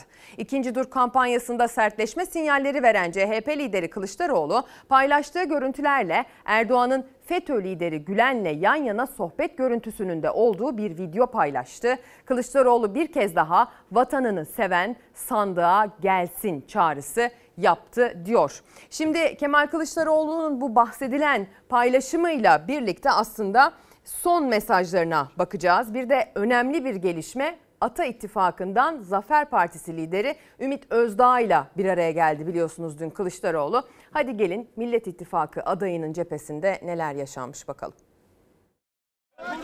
Türkiye'nin demokrasiye ihtiyacı var, dayanışmaya ihtiyacı var, var olan sorunlarını aşmaya ihtiyacı var. Biz kendi düşüncelerimizi e, bütün ayrıntılarıyla Sayın Genel Başkan'a aktardık. Sayın Sinan Ogan'la da bu toplantıdan önce değerlendirme yapmıştık. Sonrasında tekrar yine değerlendirme yapacağız. Kısa zaman içerisinde Türk kamuoyuyla görüşlerimizi paylaşacağız. Cumhurbaşkanlığı seçimleri için ikinci tur hesapları yapılırken ilk resmi temas Millet İttifakı Cumhurbaşkanı adayı Kılıçdaroğlu, Ata İttifakı ortağı Ümit Özdağ'la görüştü. Görüşme sonrası destek istedik ya da destek veriyoruz gibi net ifadeler duyulmadı. Aynı zamanda ben Sayın Genel Başkan'a Millet İttifakı'nın liderlerinin görüşlerini, yaptığımız çalışmaları, ortak mutabakat metni konusundaki düşüncelerimizi, anayasa değişikliği ile ilgili düşüncelerimizi Verimli bir görüşme mi oldu? Evet, verimli bir görüşme oldu. Ankara'da beklenen görüşme Sinan Oğan ve Kılıçdaroğlu görüşmesiydi aslında. Ama öncesinde Ata İttifakı'nın ortağı Özdağ'la buluştu ilk olarak. Yüzler gülüyordu. Kılıçdaroğlu'na Faik Öztrak ve Selin Sayek Böke de eşlik etti. Görüşme bir buçuk saat sürdü. Bazı sorularımız vardı, onları sorduk. Ayrıntılı olarak cevaplar aldık. Kulislere göre o Özdağ'ın Kılıçdaroğlu'na yönelttiği sorular arasında. İlk turda HDP'nin Cumhurbaşkanı adayı çıkarmamasının nedeni Millet İttifakı ile HDP arasında bir anlaşma olup olmadığı ve Millet İttifakı'nın seçimi kazanması durumunda sığınmacıların ne kadar süre yurt içinde ve nasıl gönderileceği yer aldı. olabildiğince ayrıntılı şekilde Sayın Başkan'ı bilgilendirdim. Aldığımız cevaplar çerçevesinde biz de yetkili kurullarımızda değerlendirmeler yapacağız. O ana Göç Bakanlığı, o anın Cumhurbaşkanı yardımcılığı istediği iddiaları konuşuluyor kulislerde. Liderler ser verip sır vermedi. Erdoğan sen değil misin terör örgütleriyle defalarca masaya oturan? Senin ne haddine bizim vatan sevgimizi sorgulamak? Sen değil misin FETÖ'yü besleyip büyüten, ayağına kadar giden? Ne olursun yalvarıyorum geri dön diyen sen değil misin? Kılıçdaroğlu ilk tur sonrası mesajlarını yüksek tondan vermişti. O konuşmasını yeni günde video ve fotoğraflarla destekledi, arşiv görüntülerle. Ben terör örgütleriyle masaya asla oturmadım ve hiçbir zaman da oturmayacağım. Nokta. Erdoğan sen parmağındaki tek yüzükle iktidara geldin. Eğer bu yüzükten fazla bir şeyin varsa bana hırsız diyebilirsiniz dedi. Ama şimdi kendini, aileni ve etrafındakilerin yedi sülalesini zengin ettin. Bak Erdoğan ben hiçbir zaman çalmadım, çırpmadım. Millet İttifakı ortağı Deva Partisi lideri Ali Babacan da ikinci tur için sefalet mi zenginlik mi başlığıyla verdi mesajlarını. Erdoğan'ın kazanması demek yolsuzluk ve kara paranın artması demektir. Akaryakıtın bulunamaması, ameliyathanelerde gerekli malzemelerin bulunamaması demektir. Savunma sanayimiz için gereken dövizin bulunamaması, ülkenin güvenliğinin zafiyete uğraması demektir. CHP Grup Başkan Vekili Özgür Özel Afyonkarahisar'da miting yaptı. Ata İttifakı ile görüşmenin olumlu geçtiğine dair bir ima vardı sözlerinde. Bugün birinci turdaki iki ittifakın adaylarının genel başkanları Ankara'da bir araya geldiler. Bir açıklama yapılmadan erken bir şey söylemek görevim değil ama Özgür Özel size bir müjde verince veya bu konuda küçük bir fısıltı verince bugüne kadar hep doğru çıktı mı? Birkaç güne kadar çok güzel haberler alacaksınız. Zafer Partisi Genel Başkanı Ümit Özdağ ise akşam KRT televizyonunda gazetecilerin sorularını yanıtladı. İçerik analizini engellemek için e, bazen vücut dilinizi de istediğiniz gibi kullanabilirsiniz. Onun için muhterem hanımefendi her gülüş sizi siyasette a- yanıt, yanıt, yanı- yanıltmasın. Evet şu anda kimseyi desteklemiyoruz. Şu an için öyle hakikaten. Dur, bu yarın öbür gün değişebilir mi? Değişebilir. Özdağ Kılıçdaroğlu ile yaptığı görüşmeye dair bilgi vermedi. Seçimlerde üçüncü bir yol olduklarını söyledi. Ne HDP ne Hüdapar diyen Türkiye'de büyük bir seçmen kitlesi var. Bu seçmen kitlesi biz olmasaydık sandığa gitmeyecekti. Bu seçmen kitlesi ne Kemal Bey'e oy verecekti ne Erdoğan'a oy verecekti. Yani bu seçimden önce söylenilen bir cümle vardı. Oyları bölmeyin. Biz de dedik ki bırakın oyları bölelim vatan bölünmesin. Son açıklama bu şekildeydi Ümit Özdağ'dan. Kılıçdaroğlu ile gerçekleştirdiği görüşmeden sonra katıldığı programda bu minvalde açıklamalar yaptı. Ee, bugün itibariyle o görüşmelerin yansımaları da aslında basına yansıyacak. Sizler de bizler de takip edeceğiz yakından. Akşam saatlerinde Fox Ana Haber'de izleme şansına sahip olacaksınız. Liderlerin verdikleri mesajları. Bir de akşam saatlerinde dün akşam olduğu gibi saat 22'de Liderler Fox'ta bu ekranda olacak. Bu kez konuk Cumhurbaşkanı Yardımcısı adayı ve e, Ankara Büyükşehir Belediye Başkanı Mansur Yavaş. Yine e, İlker Karagöz'ün moderatörlüğünde Haber Genel Yayın Yönetmenimiz Doğan Şentürk, Ankara temsilcimiz Tülay Ünal Öçten, e, Ana Haber Anchor'ımız Selçuk Tepeli, Ankara Haber Müdürümüz Engin Yılmaz burada ona e, isabetli sorular yöneltecekler. Dün akşam olduğu gibi yine çok izlenen bir program olacak bu akşam. Mansur Yavaş'ın katılımıyla Liderler Fox'ta serisi devam edecek. E, bir diğer tartışma konusuyla devam edelim. Hüdapar meselesi biliyorsunuz milletvekili dağılımı belli oldu. Buna e, dair artık biliyoruz ki Hüdaparlı 4 milletvekili mecliste koltuklarında yerlerini alacaklar. Ancak e, bir yemin aşamasına henüz gelinmedi. Hani bakanlar yemin etti etmedi tartışmasının yanında bir de Hüdaparlı vekillerin yemin edip etmeyeceğiyle ilgili tartışma var. Aslında Hüdapar'dan Sayın Yapıcıoğlu'ndan öncesinde e, buna dair kafalarda şüphe bırakacak açıklamalar gelmişti. Sonrasında CHP'li Özgür Özel bununla ilgili aslında içeride bir kriz yaşandığını aktaran bir açıklama yaptı. Buna cevap geldi. Bakalım açıklamalar en son hangi noktaya gelmiş? Bu yemini edeceksiniz. Bakacağız. Nasıl olacak? Metinler zaman içerisinde eskir. Hüdapar birileri gibi kavga, kriz ve kaos için meclise gitmiyor hey efendiler. Vekillerimiz meclise gidecek ve yemin metnini okuyacak. Meclise girdiğinizde yemin edecek misiniz sorusuna bakacağız diye yanıt vermişti Hüdapar Genel Başkanı Zekeriya Yapıcıoğlu. Yardımcısı vekillerimiz yemin metnini okuyacak dedi. CHP Grup Başkan Vekili Özgür Özel Hüdapar nedeniyle AK Parti'de yemin krizi yaşandığını, YSK'ya baskı yapıldığını iddia etmişti. AK Parti yemin metnine itiraz kriziyle karşı karşıya meclise taşıdığı Hüdaparcıların Türk milleti lafına itiraz olduğu için Atatürk lafına itirazı olduğu için. Şimdi bir kriz çıkmış. Hüdapar'ın dört tane vekili. Bu yeminle ilgili sorunları var. Biz AK Parti'ye baskı yapıyormuşuz. Şu yemin metnini değiştir diyormuşuz. Her gün yeni bir yalan. Her gün yeni bir tezvirat. Şimdi biz bu metni okumak istemiyoruz diyorlar. Atatürk ilke ve inkılaplarına bağlı kalacağıma dememek istiyorlar. Dört tane Hüdaparlı için 600 milletvekilinin yeminini ikinci turdan sonraya bırakıyorlar. YSK Cumhurbaşkanlığı seçiminin ilk tur kesin sonuçlarını açıkladı. Erdoğan %49,52, Kılıçdaroğlu %44,88, Sinan Oğan ise %5,17 oranında oy aldı. Ancak milletvekili seçimlerinin kesin sonuçlarının açıklanması için takvim sürüyor. İlçe sandık kurullarında, il sandık kurullarında itiraz süreci devam ediyor. Yüksek Seçim Kurulu o itirazları da 24 Mayıs'ta karara bağlayacak, kesin sonuçları açıklayacak. GSK'ya baskı yaparak sonuçları geç açıkla, yeminler sonraya kalsın diyorlar. Eğer yemin metnini değiştirme e, imkanımız olsaydı biz onu tartışmaya açardık, konuşurduk. Hüdapar Genel Başkanı'nın daha önce yemin metni için kurduğu sözler, CHP'li Özgür Özel'in kesin sonuçların açıklanması ikinci tur sonrasına bırakılmak isteniyor iddiası. Hüdapar AK Parti listelerinden 4 vekille meclise girdi. Yemin edecekler mi tartışması sürerken Hüdapar'dan vekillerimiz yemin metnini okuyacaklar açıklaması geldi. Ama takvime göre de milletvekili yemin töreninin 1 Haziran'a denk gelmesi bekleniyor. Yani ikinci tur sonrasına. Hüdapar ittifak protokolümüzde adı geçen parti değil ki. Sadece AK Parti'yi destekliyoruz dediler. Listeden aday oldular, geçti gitti. Sonraki beyanlarına baktık. Artık devletle, cumhuriyetle barışık beyanlarını gördük. MHP Genel Başkan Yardımcısı Fethi Yıldız da Hüdapar için Cumhuriyetle Barışık Parti dedi. Fenerbahçe Trabzon maçında mecliste Hizbullah istemiyoruz sloganı atan Fenerbahçe taraftarına tepki ise Bahçeli'nin danışmanından geldi.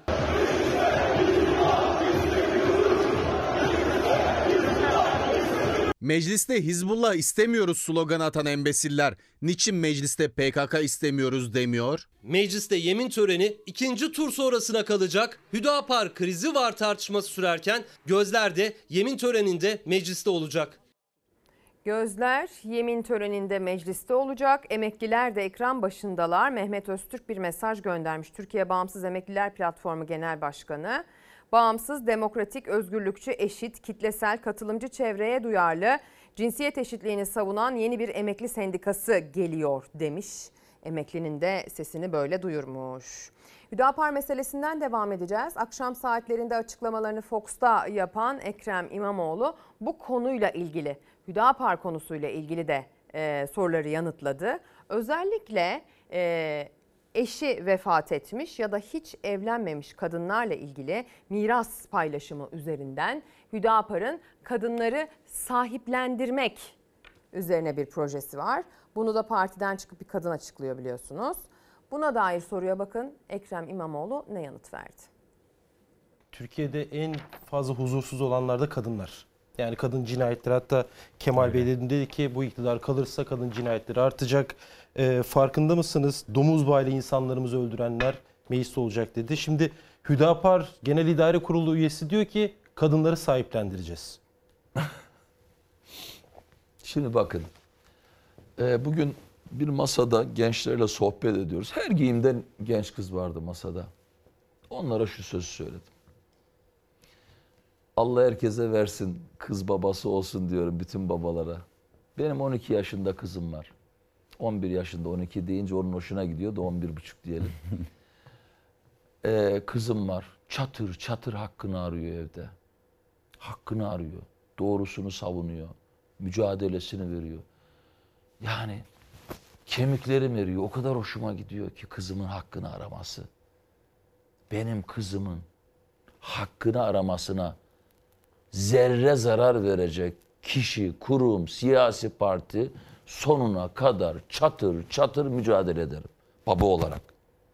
İstanbul'un belediye başkanı olarak, Sayın Cumhurbaşkanı adayımızın verdiği görev Cumhurbaşkanı yardımcısı olarak bir kız evladımızın hakkına zeval getirecek, zul getirecek hangi siyasi görüş var ise, hangi siyasi parti var ise çatır çatır onunla hayatım boyunca kızım için ve bu ülkenin bütün kızlarımız için mücadele etmeye burada and içiyorum.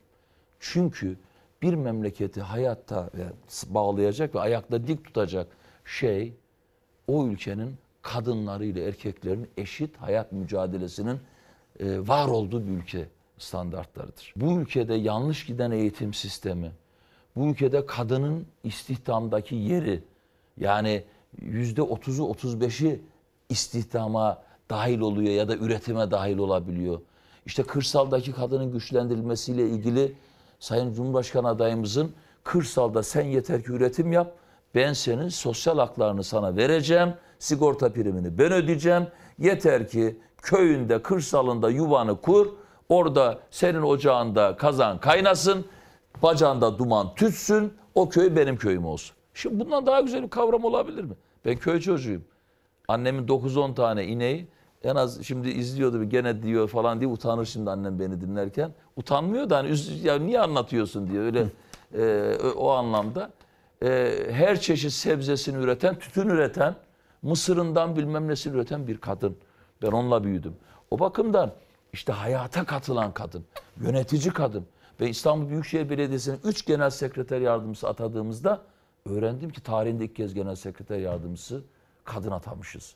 Dolayısıyla bu ülke 21. yüzyılda 2023'te bunları konuşuyorsa zaten sıkıntıdayız. Bu kafalar gelirse Allah muhafaza. Evet. Allah korusun. Allah korusun. Genç kızlarımıza, hanımefendilere, annelere, daha ilerisi babalara sesleniyorum. Allah korusun. Biz buna fırsat vermeyeceğiz kardeşim. Son buna dair yorum siyasetten bu şekilde yükseldi, basına yansıdı. Bugün Ekrem İmamoğlu'nun yaptığı açıklamalar çok konuşulacak, çok tartışılacak. Bu konuyla ilgili özellikle e, Hüdapar'ın parti programıyla ilgili, kadınlara yönelik yaklaşımı, sözleri, açıklamalarıyla ilgili Canan Güllü, Türkiye Kadın Dernekleri Federasyonu Başkanı Ee, o da bir mesaj verdi. Kadınlar demokrasiye sahip çıkacak ve onların bir sahibe ihtiyaçları yoktur dedi. Merhaba. Ee, Son dönemlerde aslında Hüdapar e, Yeniden Refah Partisi'nin kadınlar ve kazanımları üzerine söyledikleri sözleri çok tanıklık etmeye başladık. Elimizden geldiğince cevap vermeye çalışıyoruz ancak bu cevabın e, daha çok onların bu akla ziyan cümlelerini yaygınlaştırdığının da farkındayız. Türkiye Kadın Dernekleri Federasyonu olarak şunu söylemek istiyorum. Kadınların herhangi bir sahibe ihtiyacı yoktur.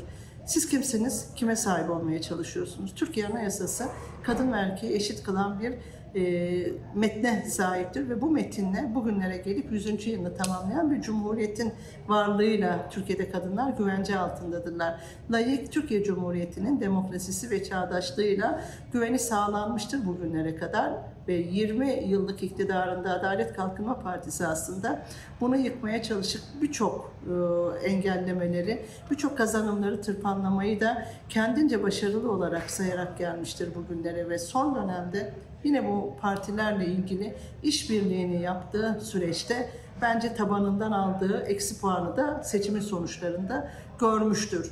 E, Buradan yola çıkarak diyorum ki Türkiye'de kimsenin kadınlara sahip olamayacağını, kadın kadının insan hakları konusunda eşitlikten yana taviz vermeyeceğimizi, kadın cinayetlerinin sizlerin bu söylemiyle daha çok arttığını, cinsel istismarın ve enses ilişkilerin sizlerin söylemiyle tarikatlar ve cemaatlerle daha çok arttığının altını çizerek diyoruz ki Türkiye layıktır, layık kalacaktır.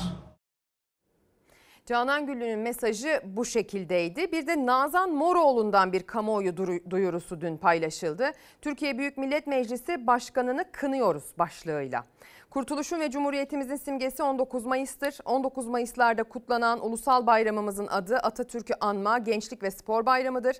Ee, Türkiye Büyük Millet Meclisi Başkanı 19 Mayıs bayramını kutlarken Atatürk'ün adını anmadı, kınıyoruz diyor.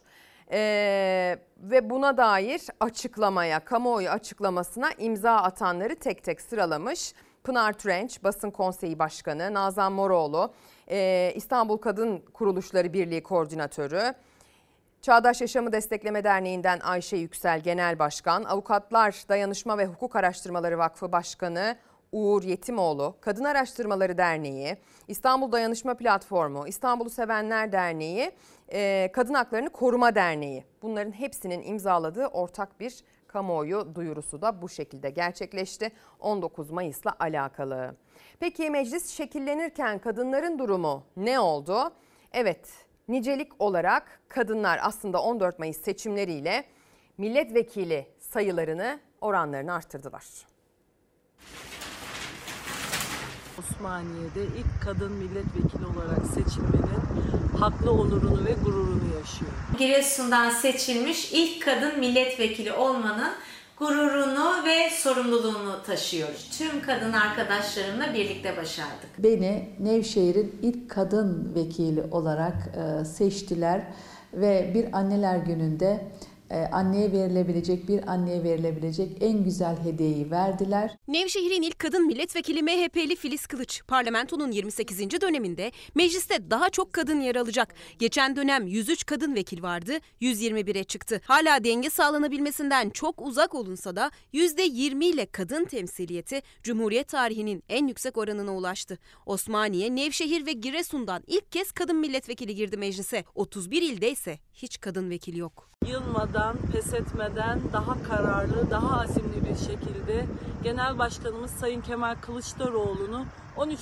Cumhurbaşkanı seçmek için sahalardayız, köylerindeyiz Osmaniye. Mecliste tüm Türk kadınının sesi, sözcüsü olacağım gücümün yettiği kadar. Mecliste en çok kadın milletvekiliyle AK Parti temsil edilecek. 50 kadın vekili var. Sonrasındaysa 30'ar kadın vekille CHP ve Yeşil Sol Parti geliyor. Genç arkadaşlarımın sesi olarak meclise giren bir kardeşinizim. Meclisin en genç iki vekili de yine kadın. AK Parti Ankara Milletvekili Zehra Nur Aydemir 25, yine AK Parti İstanbul Milletvekili Rümeysa Kadaksa 27 yaşında. Kadını koruyan kanuna karşı duruşuyla çok tartışılan Yeniden Refah Partisi ise 5 vekil çıkardı. Beşi de erkek. Seçim sürecinde ise propaganda aracında kadın adayın fotoğrafını karartmışlardı. Düzce'den aday olan, tepkiler üzerine silüeti de araçtan kaldırılan Çiğdem Kulalı Seçkin meclise giremedi. Bu önümüzdeki dönemde mecliste Hüdaparların ve Refah Partilerin bulunmasını ben kadınlara bir hakaret olarak görüyorum açıkçası. Adeta kadınların insan hakkının tartışıldığı bir anlayışın artık mecliste kol gezeceğini çok net bir şekilde ifade etmiş oldu. Bizim önümüzde bütün bu yapılan aydınlık ve karanlık mücadelesine karşı 28 Mayıs süreci var. Kadınlar seçimin ikinci turunda karanlık ve aydınlık arasında bir tercih yapacak kadın siyasetçilere göre. Seçim beyannamesinde karma eğitimin kaldırılmasına yer veren, kadına yönelik şiddeti önleyen 6284 sayılı yasanın değiştirilmesini isteyen Hüdapar artık mecliste. Dilek İmamoğlu, CHP milletvekili Kadın Erkek Fırsat Eşitliği Komisyonu üyesi Gamze Taşçıer ve Türkiye İşçi Partisi milletvekili Sera Kadıgil kadınlar için 28 Mayıs'a dikkat çekerek çağrı yaptı. O mührü kadın düşmanlarına vurmayın kız kardeşlerim. Yalvarıyorum hepinize lütfen oy verin, lütfen sandığa gidin. Recep Tayyip Erdoğan'dan ve temsil ettikleri kadın düşmanı politikalardan kurtulmamızın tek yolu bu. Şimdi gazetelere bakmaya devam edeceğiz. Yeni Çağ Gazetesi'nin manşetini okumuştuk. İlk sayfadan Ekrem İmamoğlu'nun çıkışına yer veriyor gazete. Korsan çelenk töreni yapıyoruz. İBB Başkanı İmamoğlu 19 Mayıs töreninin ardından yaptığı açıklamada şu anda Devletin Spor İl Müdürlüğü'nün çelenk töreni sonrasında bizim koyduğumuz çelenklerin korsan olduğunu biliyor musunuz dedi ve şunları söyledi. Biz bu töreni yaparken 3-4 sene hırpalandık. Çelenklerimiz koyulmadı. Sonra baktılar ki bunlar direniyor, vazgeçmiyor. Şimdi korsan yapmamıza dönük bir hamle yapılmıyor. Sadece izleniliyor. Korsan çelenk töreni yapıyoruz. Devletimizin bazı kurum görevlileri törenden sonra çekip gidiyorlar. Biz kalıp devam ediyoruz ayıptır, yazıktır dedi diyor. Hem o törene bakacağız hem de o tepkiye kulak vereceğiz.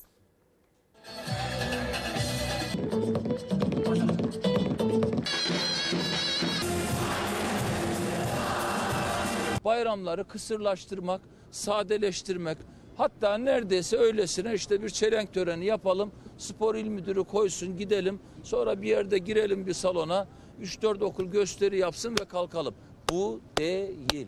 Ama biz bayramları sıradanlaştırıyoruz kutlamaların coşkusunu kaybettiğini, bayramları sıradanlaştırıyoruz sözleriyle dile getirdi Ekrem İmamoğlu. İstanbul'da Taksim Cumhuriyet anıtına çelenk bıraktıktan sonra milli mücadelenin fitilinin ateşlendiği 19 Mayıs'ın 104. yılında eski kutlamaların coşkusunu hatırlattı. Atatürk'ü anma gençlik ve spor bayramı için okullarda günler öncesinden başlayan hazırlıklar, büyük stadyumlardaki görkemli gösteriler, devlet erkanının tam kadro katıldığı resmi törenler o coşkunun geride kaldığını iddia etti İmamoğlu. Genç Spor Bakanlığı bu işin hamisi olmaz, olamaz. Yani bir ülke tepeden tırnağa bu bayramı hissetmiyor ve bunun anlamını yaşamıyorsa burada büyük bir eksiklik vardır. Kasıtlı buluyorum, anlamsız buluyorum. Bu bir pespaye bir düzendir. Bunun düzeltilmesi şarttır. 1919 metre uzunluğundaki Türk bayrağı Atatürk'ün milli mücadele için ilk adımı attığı Samsun sokaklarını sardı. Güneyde, Mersin'de Türk bayrağı Türkiye haritasıyla açıldı. Yurdun dört bir yanında atasının armağan ettiği günü sınırlı törenlerle kutladı gençler. Okulların bahçelerinde, kapalı spor salonlarında. Milyonların aktığı Anıtkabir'e devleti temsilen giden tek kişi Gençlik ve Spor Bakanıydı. Cumhurbaşkanı ise İstanbul'daydı. Cumhuriyetimizin 100. yıl dönümünde Türkiye 100 yılının inşasını başlatıyoruz. Evet son yıllarda özellikle milli bayramlar 23 Nisanlarımız, 19 Mayıslarımız, 30 Ağustoslarımız, 29 Ekimlerimiz özellikle iktidar tarafından e, o eski coşkuyla e, kutlanmadığını görüyoruz. Bu yeni tarihin içinden Atatürk özenle çıkarılmaya çalışılıyor. Yani Atatürk'süz yeni bir tarih inşa etmeye çalışıyor birileri. Bu yeni Türkiye dedikleri yapıya yeni bir tarih yazdıklarının kanıtı. Bunu görmek lazım. Tarihçi Sinan Meydan'da dikkat çekti özlenen bayramlara. Milli Eğitim Bakanlığı 2012'de 19 Mayıs'ın başkent dışında sadece okullar ve öğrencilerle kutlanmasına ilişkin genelge yayınlamıştı. Genelge 7 yıl sonra iptal edildi ancak yıllar içinde kutlamalardaki eski alışkanlıklar da şekil değiştirdi. Milli bayramlar Diyarbakır'da da gençleri bir araya getirecek, Trabzon'da da bir araya getirecek, Adana'da da bir araya getirecek, Eskişehir'de, Aydın'da, Edirne'de herkes bunu hissedecek. Böylesi kapsayıcı törenlerin bu şekilde hala düzeltilmeden devam etmesini kasıtlı buluyorum. Şimdi bu akşam için bir adres hatırlatması yapacağız. Sonra çok değil 5 dakikalık bir reklam arası vereceğiz. Ardından maraton şeklinde haberlere devam edeceğiz. Durmak yok. İktidar olacağız. Mutlaka sandığa gidiniz. Seçmen ikinci tur dedi. Gözler en kritik tarihe kilitlendi. 28 Mayıs'ta Türkiye 13. Cumhurbaşkanını seçecek. Sandık yolunda da liderler, siyasetçiler seçmene Fox ekranlarından seslenecek. O çözüm süresince zorla söktükleri TC tabelaları geldik yerine çaktık. Bunlar mevsimlik vatansever. Sorgulayan, saklamayan ekranda Fox'ta yine tüm sorular yanıt bulacak. İlker Karagöz'ün moderatörlüğünde Fox Haber Genel Yayın Yönetmeni Doğan Şentürk, Fox Ana Haber Enkırmeni Selçuk Tepeli, Fox Haber Ankara temsilcisi Tülay Yunal Öç'ten ve Fox Haber Ankara Haber Müdürü Engin Yılmaz soracak, liderler anlatacak. Liderler Fox'tanın konuğu Ankara Büyükşehir Belediye Başkanı Mansur Yavaş. Teröre bulaşmış herkese biz terörist deriz. Adam öldürmüş herkese de katil deriz. Terörist teröristtir. Liderler Fox'ta canlı yayınla bu akşam Fox'ta. Günaydın sevgili izleyenler. Ekran başına bir kez daha hoş geldiniz. Söz verdiğimiz gibi kısa bir aradan sonra haberlere devam edeceğiz demiştik. Sözümüzü tuttuk diye düşünüyorum. Reklam arasında şöyle bir mesajlarınıza bakma fırsatı buldum. Çokça mesaj geldiğini görüyorum. Farklı seçmen gruplarından gelen mesajlar var. Olumlu olumsuz eleştiriler, pek çok temenni e, göndermişsiniz. Hepsinin başımızın üzerinde yeri var. Çalar Saat hafta sonu şeklinde başlık attık. Eğer bu başlık altında toplanırsak da mutlu oluruz efendim. Twitter ve Instagram'dan Ezgi Gözeger hesapları bir nevi ev adresimizdir bize ulaşabileceğiniz diyelim. Hemen 19 Mayıs'ı dedik ya açılışı yaparken 20 Mayıs sabahına bu coşkuyu sarkıtmak niyetindeyiz diye. Dün itibariyle Anıtkabir'de gerçekten çok coşkulu bir kalabalık vardı. 19 Mayıs Atatürk'ü anma Gençlik ve Spor Bayramı gençlerin seçim konusunda belirleyici olacağı bir sürece denk geldi. O sürecin tam ortasındayız aslına bakarsanız. 8 gün sonra sandığa gidecek seçmen tekrar herkesin sandığa gitmesi, hangi partiye oy verdiğinden bağımsız olarak sandık katılımının artması temenni tam bir demokrasiden bahsedebilmek adına ama her zaman söylendiği gibi belirleyici olan yine gençler olacak. Hangi partinin kazanacağını ya da hangi ismin cumhurbaşkanı olacağını belirlemekten öte bir belirleyiciliğe sahip olacak aslına bakarsanız gençlerin sandıktaki yönelimi. Gençler, çocuklar, kadınlar dün itibariyle atalarına koştular. Atatürk'ün huzuruna çıktılar. 19 Mayıs'ı gençlere armağan eden atalarını unutmadılar. Ellerini açtılar, onun için dua ettiler. Ee, bu bayramı kutlamak için, bu paylaşımı gerçekleştirmek için çok fazla sayıda insanın Anıtkabir'e gitmiş olması dikkat çekti. Türk milleti zekidir. Ne mutlu Türk'üm diyene. İzmir'in dağlarında çiçekler açar. Altın güneş orada sırmalar saçar. Gözyaşlarıyla dualarla küçük büyük on binler Atatürk'ün doğum günüm dediği günde kurtuluş mücadelesinin meşalesinin yakılmasının 104. yıl dönümünde Anıtkabir'deydi. Atam sen hiç gözün arkada kalmasın. Biz her zaman sizin ilkelerinizi yaşatmaya devam edeceğiz. Biz her zaman Atatürk gençleri olarak buradayız. Bu ülkeyi sonuna kadar koruyacağız. Bu ülkeyi onlar kurdu yaşatacak bizleriz. Aslında bizim burada çok fazla rolümüz, vazifemiz e, oluyor. Vatanın en iyi hizmet eden, işini en iyi yapandır. Bu yüzden öğrenciliği en iyi şekilde yapmaya çalışıyoruz. Duydum ki uzak yollardan gelmişsiniz. Evet, uzak yollardan geliyorum. Nereden geliyorsunuz? Sevgili atamızın doğduğu Selanik'teki evinden 23 Nisan 2023'te başlatmış olduğum koşumu 25. günde burada sonlandırmış bulunmaktayım.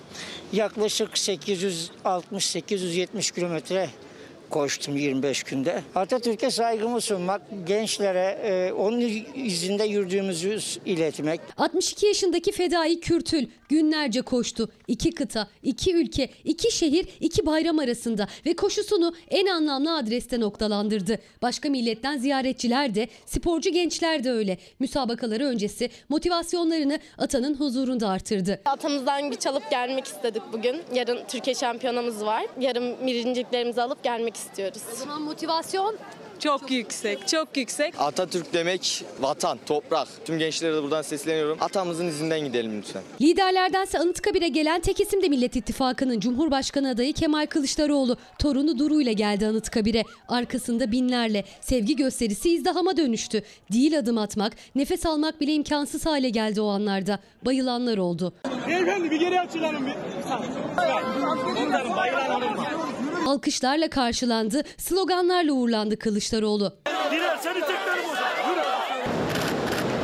Devlet töreninde ise Gençlik ve Spor Bakanı Mehmet Kasapoğlu gençlerle çıktı mozaleye. Kasapoğlu 14 Mayıs seçimleriyle hem milletvekili hem de bakan olarak iki koltukta sahada olan isimlerden biriydi. Her resmi tören sonrası Anıtkabir'in kapıları halka açıldı. Bu yılda basın yayın kuruluşları hem canlı yayın hem de Anıtkabir avlusunda röportaj yapma yasağıyla karşılaştı. Gerekçe ise vatandaşların yoğun katılımının bekleniyor olması olarak açıklandı. Türkiye sonuçta geleceği biziz. Geleceği biz kuracağız Türkiye'de. İlk defa Ankara'ya geldim.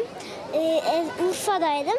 Zaten hayal etmiştim. Ve bugün gerçek oldu. Evet. Şu saniyede her nefesim bana bir mutluluk veriyor şu e, Türkiye'de yaşamam açıkçası. Trabzon'dan geliyorum. Beni gururlandırıyor, sevindiriyor, içimde bir coşku oluşturuyor. Atamın izlindeyim. Geleceğin umudu çocuklar, bugünün emanetçisi gençler 19 Mayıs'ı atanın huzurunda büyük gururla, şükranla kutladılar. Bu ülke aslında ilk defa kaderini gençlerin sayesinde belirlediği bir durumda değil. Gençler her zaman bu ülke için belirleyici oldular sevgili izleyenler. Vatan toprağına şehit düştüler.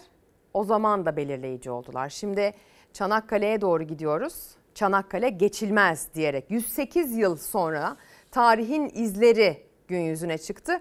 Conkbayır mevkiinde 28. alay şehitliği bulundu. Çanakkale tarihi alanda bir şehitlik daha ortaya çıkarıldı. Her adımda e, mutlaka bir şehide, bir şehitliğe rastlayabiliriz.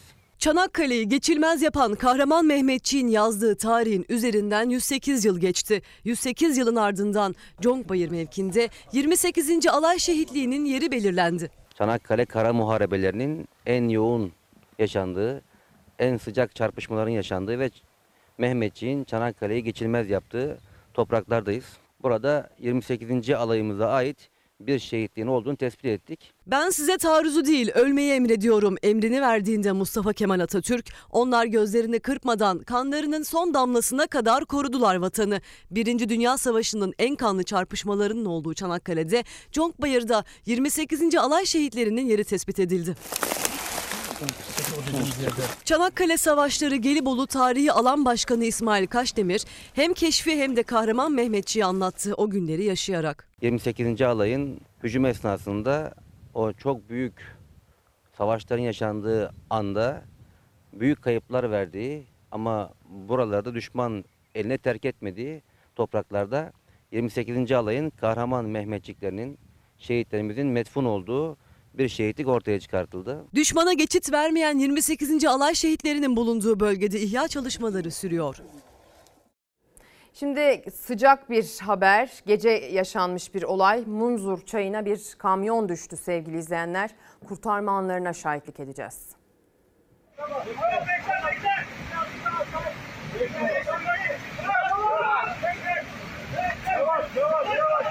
Suya düşen kamyonun üzerinde ölümle burun buruna kurtarılmayı bekleyen iki kişi ve tüm zor şartlara rağmen başarıyla sonuçlanan bir kurtarma operasyonu.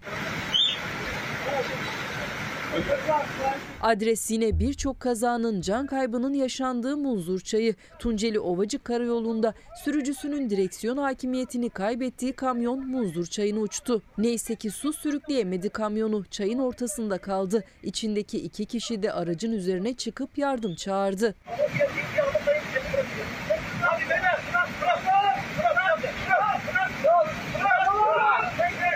Olay yerine çok sayıda sağlık, jandarma, AFAD ve UMKE ekipleri sevk edildi. Kamyondaki iki kişiyi kurtarmak için çalışma başlatıldı. Mahsur kalan sürücü ve yanındaki kişi bellerine bağlanan halatlarla kıyıya çekildi.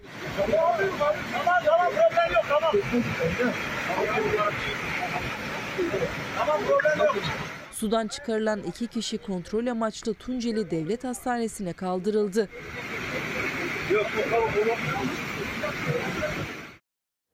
Geçmiş olsun diyelim sevgili izleyenler adeta bir can pazarı yaşanmış ciddi bir mücadele.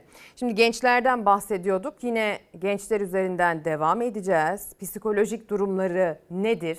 Anne babalarının genç evlatlarıyla ilgili endişeleri nelerdir? Bunun işsizliği var, bunun geçinememesi var, bunun gelecek kaygısı endişesi var. Bakalım gençler ne durumda?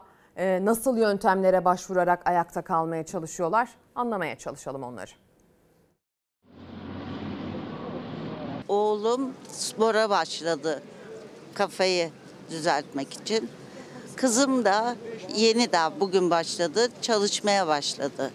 E, ikisi de bunalımda. Kızım psikoloğa gitti. O da Sadık Konuk'ta. Bir daha da gitmedi. Hiç iyimser bakmıyor hayata. Endişe var, umutsuzluk var.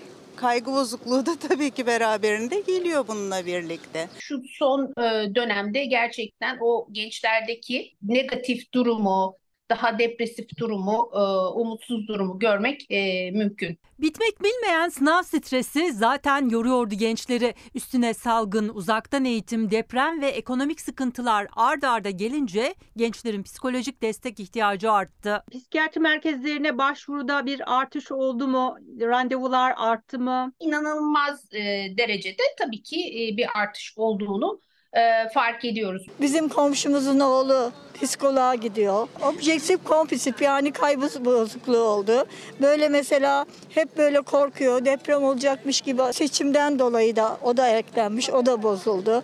İlaç alıyor. Hatta benim de bozuldu. Ben de ilaç almaya başladım. Biz haftalık randevularımızı açıyoruz. Bayağı da ciddi anlamda açıyoruz. Çok hızlı doluyor randevular. Yani mesela önümüzdeki haftanın randevuları bir saat içinde doluyor diyebilirim. Bazen böyle haftalarca alamadıkları da oluyor. Türkiye Çocuk ve Genç Psikiyatrisi Derneği Başkanı Profesör Doktor Neslihan İnal'a göre merkezlere başvurular da ilaç kullanımı da arttı. Depresyonların, kaygı sorunlarının, korkuların, endişelerin ilaç kullanımını da e, gerektirebiliyor. İlaç tedavisine çok ihtiyaç e, duyulabiliyor. Artış oldu mu efendim kullanımda? İstatistiksel bir veri yok e, e, elimde. Subjektif olarak sorarsanız hani kendi düşüncemi ya da yorumumu artış olduğunu düşünüyorum. Maddi durumu iyi olanlar iyi. Zaten yurt dışına gittiler çoğu.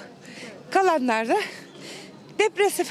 Profesör İnal'a göre psikolojik olumsuzluklarda destek almak şart. Ailelere de büyük görev düşüyor. Kaygıyla başlayan şey e, umarım hani umutsuzluğa doğru gitmesin. O daha e, kötü. Şu anda belki daha kaygı seviyesindeyiz ama e, gençlere umut aşılamaya devam etmemiz gerekiyor diye düşünüyorum. Yani onların şu an buna ihtiyaç var. Onlar baş ederler. Baş edeceklerine inanıyorum. Bunlar için varız yani. Şunun da ayrımını yapmak lazım. Gençler psikolojik destek alıyorlar diye de onları böyle ayrı bir sınıfa koyup sanki kötü bir durumları varmış gibi de yaklaşmamak gerekiyor. Aslında gelişmiş toplumlarda yüzünü gelişime dönmüş toplumlarda psikolojik destek almak aslında her bir bireye tavsiye edilen bir şey sevgili izleyenler. Yani hani bu artışı değerlendirirken ikisini farklı terazilerde tartmak e, ve psikolojik destek alan kişiye de ona göre yaklaşmak gerekiyor diye tahmin ediyorum. Öyle düşünüyorum. Bilmem siz ne düşünürsünüz? Erdem Bey mesaj göndermiş. Atatürk'ü anma gençlik ve spor bayramımız kutlu olsun diyor. Kamu işçilerine toplu sözleşme görüşmeleri esnasında destek olduğunuz için teşekkür ederiz. İmzalandı sözleşmemiz fakat hala sendikalar anlaşamadı bakanlarla. İnşallah Haziran'da zamlı alacağız maaşları diyor. Umarım zammınızın hatrı sayılır Haziran'da. Latife Soysal kendisine alınan satılan mal olarak görenler diye başlamış. Sonra oy vermekle ilgili bir isim zikretmiş. Hadi onu ben okumayayım. Hüdapar'ı kınıyoruz diyor ve bu konuda bir kadın olarak tavrını ortaya koyuyor. Güzel mesajlarınız geliyor, övgü dolu mesajlar. Vedat Bey ise stajyerlere bir müjde verilse de biz de 28 Mayıs'ta bayram havası yaşasak diyor. Ben her ne kadar okuyamasam da izleyicimiz yazabilmiş. Güzel günler gelsin. Öfkeliyim anlamıyorum. Çocuklarımızın hakkını yediler mesajını Filiz Hanım göndermiş. Pek çok mesaj geliyor. Bize eleştiri gönderen izleyicilerimizin sayısı bugün arttı. Hepsinin başımızın üstünde yeri var. Hepsini okuruz, yapıcılarını seçeriz. Üzerimize düşeni de yaparız. Onu da söyleyelim. Şimdi gençlerden çokça bahsettik. Bir 13 yaş örneği var. Sözcü gazetesinin ilk sayfasında aslında çocuk diyebileceğimiz bir kişiden bahsediyor. İktidarın ülkeyi getirdiği nokta psikolojileri bozuyor. 13 yaşındaki çocuğun korkusu. Sosyal medyada Türkiye'ye şeriat gelecek, Atatürk'ü sevenler idam edilecek diyen kişiye karşılık veren çocuk Cumhurbaşkanına hakaretten yargılanıyor sevgili izleyenler. Çocuk hakaret niyetinin olmadığını, sadece Atatürk'e hakaretlere kızdığını söylüyor ama Gazi Osman Paşa 2. Çocuk Mahkemesi'nde yargılaması sürüyor. 13 yaşında bir ortaokul öğrencisi. Çocuk yani hani gençler endişeli korkuyor, gelecek kaygısı var diyoruz ama çocuklar siyasilerin isimlerini biliyorlar, siyasi tartışmalara giriyorlar, ekonomiye dair görüş bildiriyorlar. Çünkü artık onlar da bunu yaşıyorlar ve artık bu çocuklar hani televizyon çocuğu da değil, bu çocuklar dijital çağın çocukları. Başka ülkelerde yaşıtları hangi oyunları oynuyor, hangi sosyal etkinlikleri yapıyor da hangi paylaşımlarda bulunuyor görebiliyorlar, kıyaslıyorlar. İşte o yüzden belki de oy verme konusunda aile içi tartışmalar çıkıyor deniyor ya. Bu kırılmalar da bu dijital çağın etkisi büyük olsa gerek diye düşünüyorum. Yani çocuklar e, sosyal medya üzerinden özellikle de sağlıklı kullanıyorlarsa dünyayı görme şansına sahip oluyorlar. Bunu ileri yaşada tavsiye edelim o zaman. Geçelim Sözcü gazetesinden Kamu Son Haber gazetesine. Orada da dikkatimizi çeken bir detay. Hadi gençlerden çokça bahsettik ya. Düğünler erteleniyor. Düğünlere ikinci tur ertelemesi başlığıyla haber aktarılmış. Cumhurbaşkanlığı seçiminin ikinci tura kalması evlilik hazırlığı yapanların planlarını değiştirdi. 27 ve 28 Mayıs'a gün alanlar erteleme telaşına düştü. Kolay mı evlenmek? Mı düğün yapmak? Yaptığın düğünü, yaptığın hazırlıkları, parasını ödediğin düğün salonu, işte orkestrası, osu busu süslemesi. Meşrebine göre bu liste uzar gider. Şimdi onu ertelemek de ayrı bir masraf.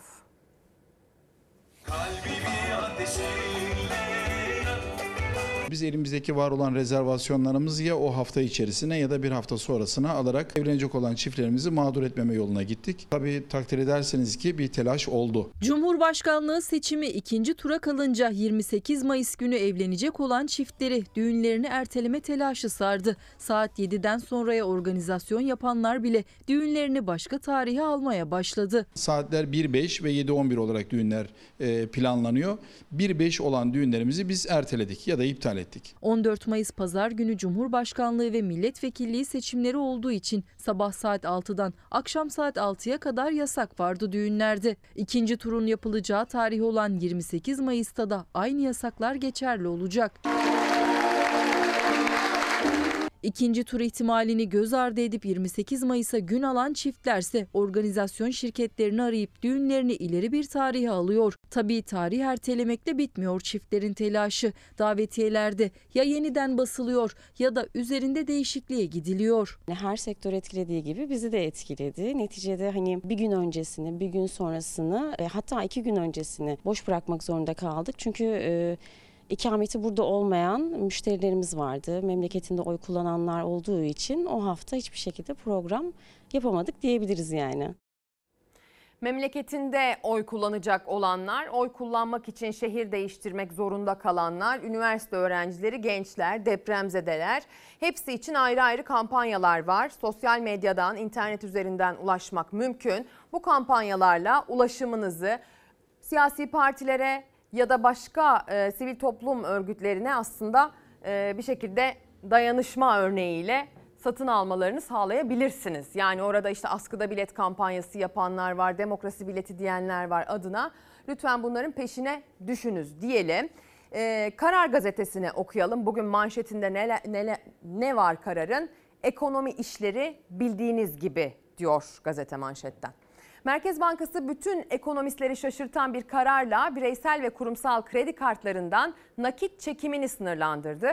Ancak piyasalarda nakit ve döviz akış sistemi kilitlenince düzenleme 24 saat geçmeden geri çekildi. Madem karar doğruydu niye geri adım attınız? Doğru değilse ne olacağını önceden neden düşünmediniz soruları ise her zamanki gibi cevapsız kaldı deniyor. Detaylarını aktarmış gazete olanın. Biz de aslında haberini aktarmış hatta üzerine konuşmuştuk. CHP'li Özgür Karabat'ın sözlerine de yer vermiş. İhtiyaç duyduğu krediye ulaşamayan esnaf ve sanayiciler ödemelerini yapamıyor demiş Sayın Karabat görüş bildirmiş. Tepkilerin ardından bir gün sonra düzenlemeden vazgeçildi. Merkez Bankası karttan avans kullanımını ve kredili mevduat hesaplarında sınırlama yapılmayacak talimatı gönderdi. Saadet Partili Bülent Kaya kısıtlama Erdoğan kazanırsa 29 Mayıs'ta yine uygulanacak dedi. Deneme yanılma anlayışının sürdüğünü belirten uzmanlar da madem karar doğruydu niye geri adım attınız? Doğru değilse ne olacağını neden önceden düşünmediniz sorularını yöneltti diyor Karar Gazetesi. Milli Gazete'nin manşetine baktığımızda benzer bir konuyla şekillendiğini görüyoruz bugün. Onlar da 24 saatte geri adım manşetini atmışlar. Borcu borçla döndüren vatandaşa seçim öncesi jesti. Önceki gün bankaların yürürlüğe soktuğu kredi kartlarından nakit avans çekimini durdurma uygulaması Merkez Bankası tarafından apar topar iptal edildi diyor gazete.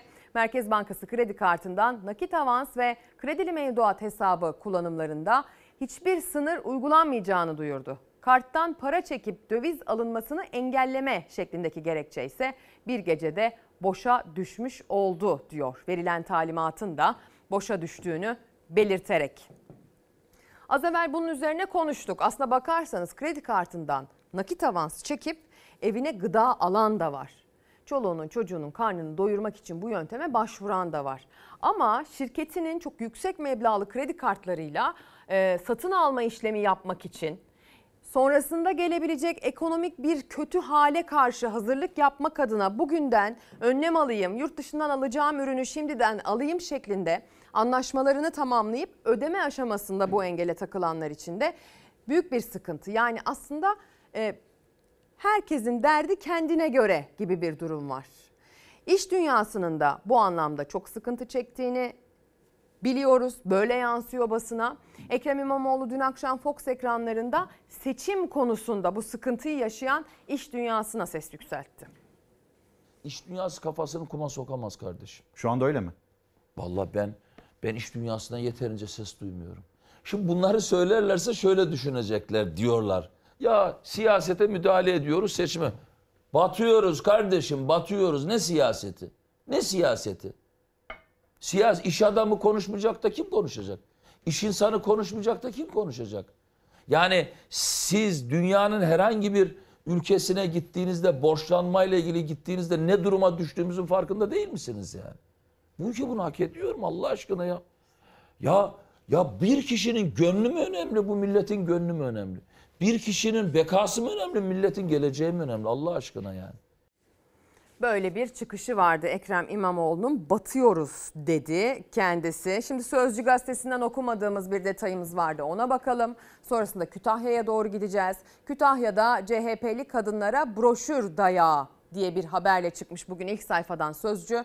CHP'li kadın kolları üyesi bir grup kadın pazar yerinde seçim broşürü dağıtmak istedi. Bir grup erkek kadınlara saldırdı. Yumruk ve hakaretler havada uçuştu. İki kadın yaralandı deniyor. İçlerinde 70 yaşında bir kadının da bulunduğu CHP'li kadınlar bu yapılan siyasi terör şeklinde tepki göstermişler. O anlara şahitlik etmeye gidiyoruz Kütahya'ya. Bu yapılan saldırıları kınıyoruz, lanetliyoruz. Bu, bu sadece bizlerin şahsına değil, insanların demokratik haklarına, e, özgürlüklerine yapılan bir saldırıdır. Kütahya'da bir semt pazarında seçim çalışması yapmak için stand kuran CHP'li kadınlara bir grubun sözlü ve fiziki saldırıda bulunduğu iddia edildi. Saldırıya uğrayan CHP'liler darp raporu alarak saldırganlardan şikayetçi oldu. Bunlar, bütün bunlar bizim bu seçim kampanyasında hedef gösterilmemizin sonuçları.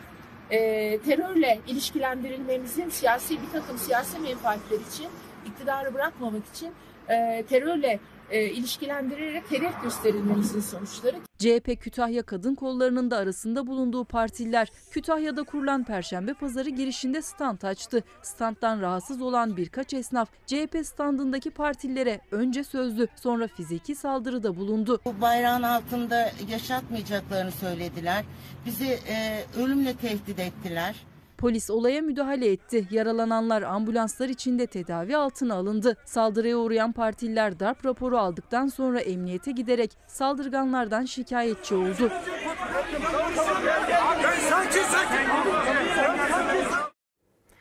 Bu ülke hepimiz için yeterli diye düşünüyorum. Taşı toprağı altın, her köşesi adeta bir cennet olan ülkemizde hep beraber doğduk, hep beraber büyüdük, hep beraber var olmaya devam edeceğiz. Kimse kimsenin Allah'la olan ilişkisine, kimse kimsenin siyasetle olan ilişkisine karışma hakkına sahip değil sevgili izleyenler. Dolayısıyla aslında bir seçime gidiyoruz, başka bir şeye gitmiyoruz. Ee, bu havadan çıkmamaya gayret etmek gerekiyor diye düşünüyorum.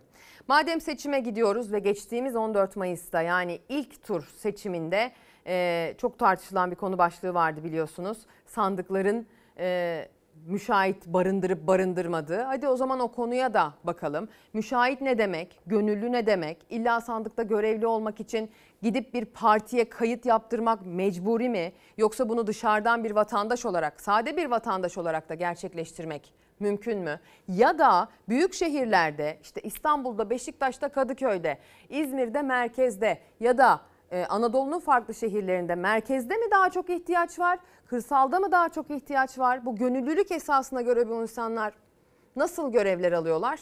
Anlayacağız inşallah şimdi.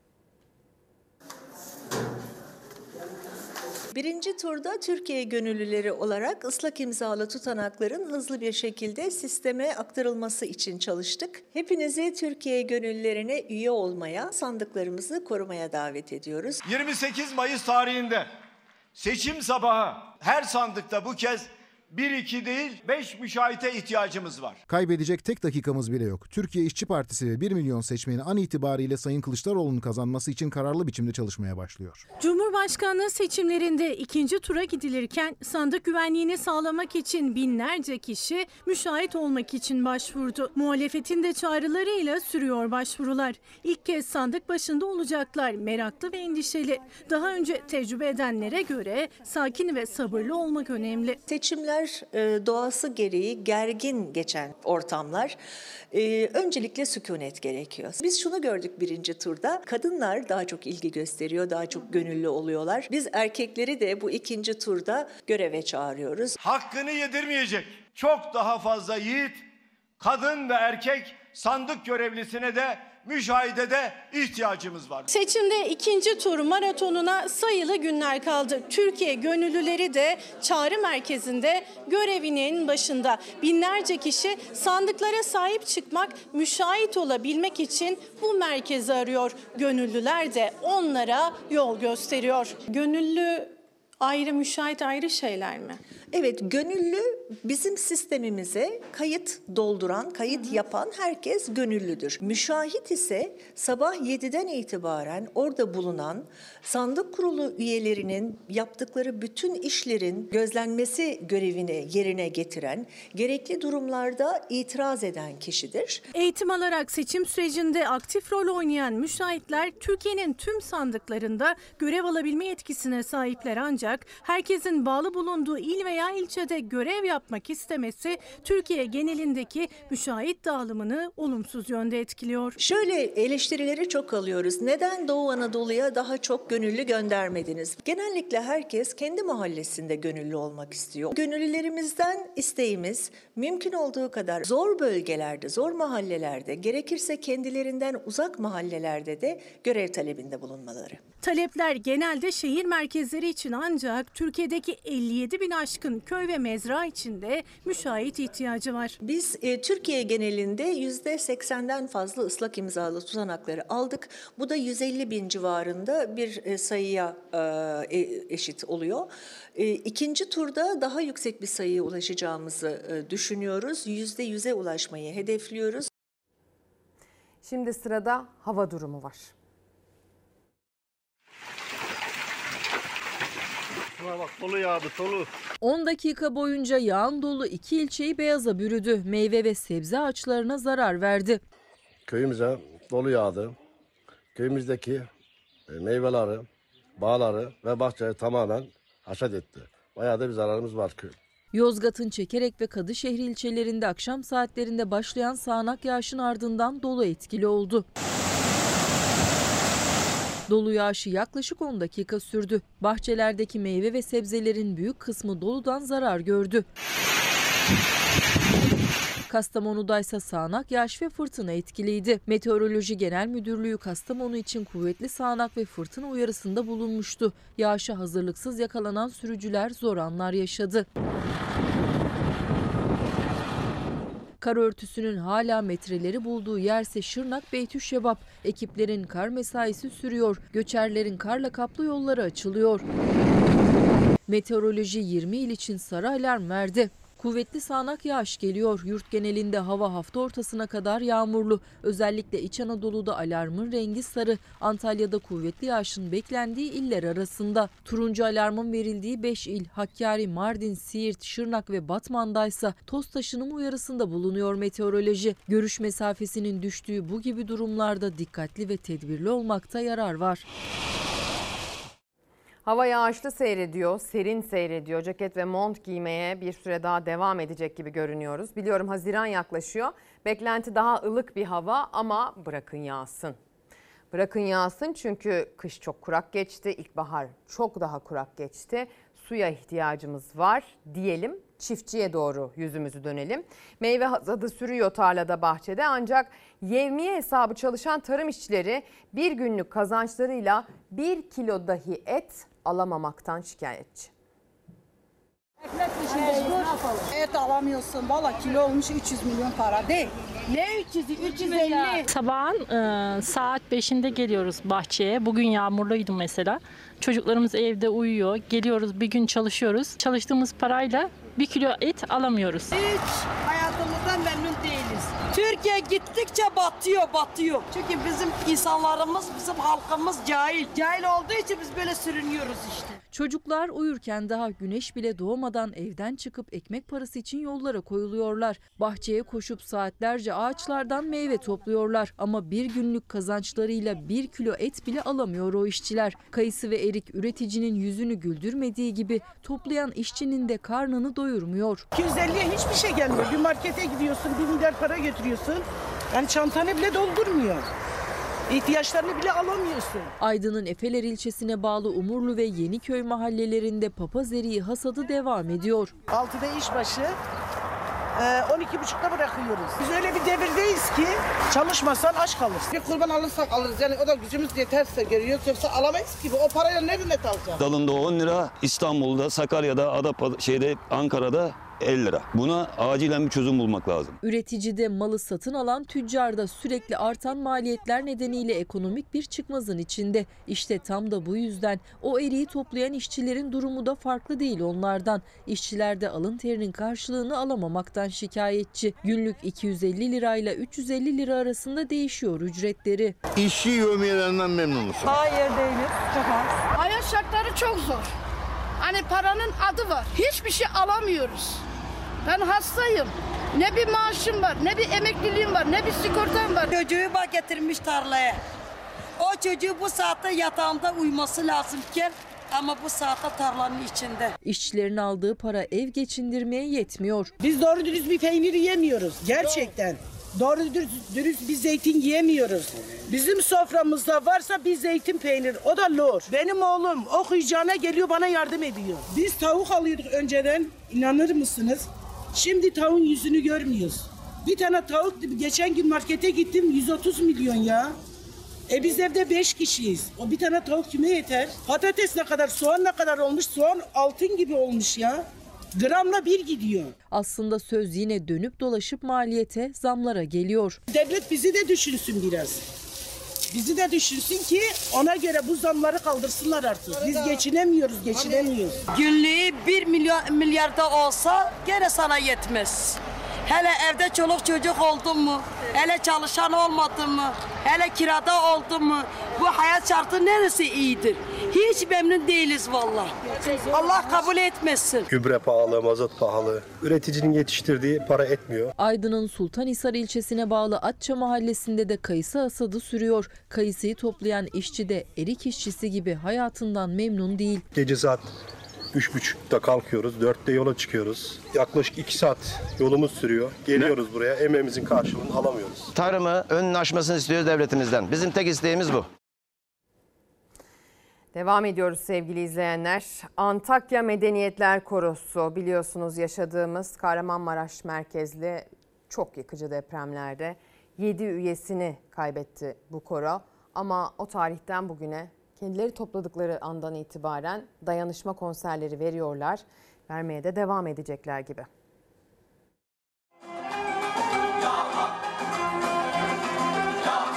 Antakya Medeniyetler Korosu dayanışma konserlerine hız kesmeden devam ediyor. Koronun son adresi Samsun'da müzikseverler unutulmaz bir gece yaşadı.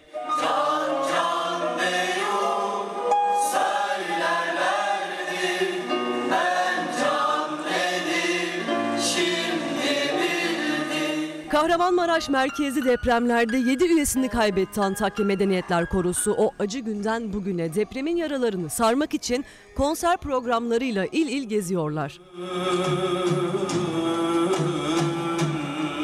Son adresleri Edirne, Eskişehir, Denizli ve Antalya'ydı Medeniyetler Korosu'nun dün Samsun'da müzikseverlerin kulaklarının pasını sildiler.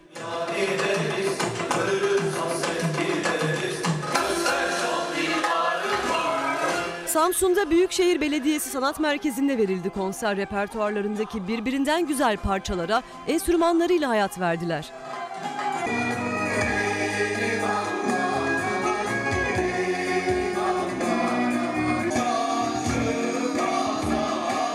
Antakya Medeniyetler Korosu 9 Mayıs Avrupa Günü Dayanışma Konserleri adıyla başlattığı programına hız kesmeden devam ediyor. Biz de onlarla dayanışmak adına onların bu e, müziğinden hep bir kuple aktarma gayreti içinde oluyoruz. Yeşim Hanım bir mesaj göndermiş. Atatürk'ümü bayrağımı paylaşmaya korkuttular. Terörist vatan haini diye yafta yiyoruz. Engelli etiketi yeteri kadar can yakıyordu zaten. Ben atamı bayrağımı paylaşınca siyaset yapan oluyorum diyor gönderdiği mesajda. Nabi Bey de az evvelki tarım işçisi kadınların sözlerinden sonra sözün özü dökme suyla değirmen dönmüyor diye bir mesaj göndermiş. Koşucu Faruk bir Beşiktaşlı olarak mecliste Hizbullah istemiyoruz diye bağıran Fener taraftarını kutluyoruz. Onlara yönelik hakaretleri sahibine iade ediyoruz mesajını göndermiş. Şimdi bir gurur tablosu gelecek ekrana. Cannes Film Festivali'nde bir film 10 dakika boyunca ayakta alkışlandı sevgili izleyenler. 76. Cannes Film Festivali'ne doğru gideceğiz. Yönetmen Nuri Bilge Ceylan.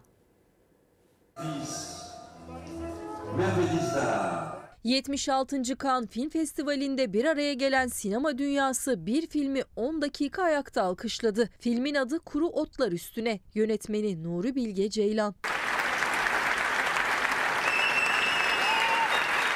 Kanda Nuri Bilge Ceylan rüzgara esti. Yeni filmi Kuru Otlar Üstüne dünya premierini yaptı. Gösterimin ardından büyük bir coşku yaşandı salonda.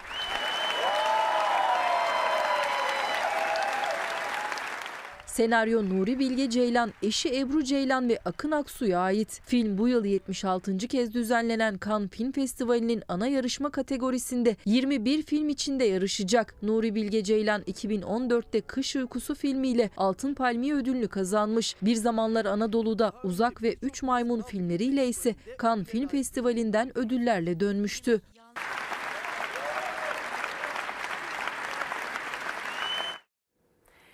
Yayınımızın sonuna doğru yaklaşırken şimdi madem 19 Mayıs'ın üzerinden bir gün geçti Atatürk'ü anma Gençlik ve Spor Bayramı'nın etkisini hala üzerimizde hissediyoruz.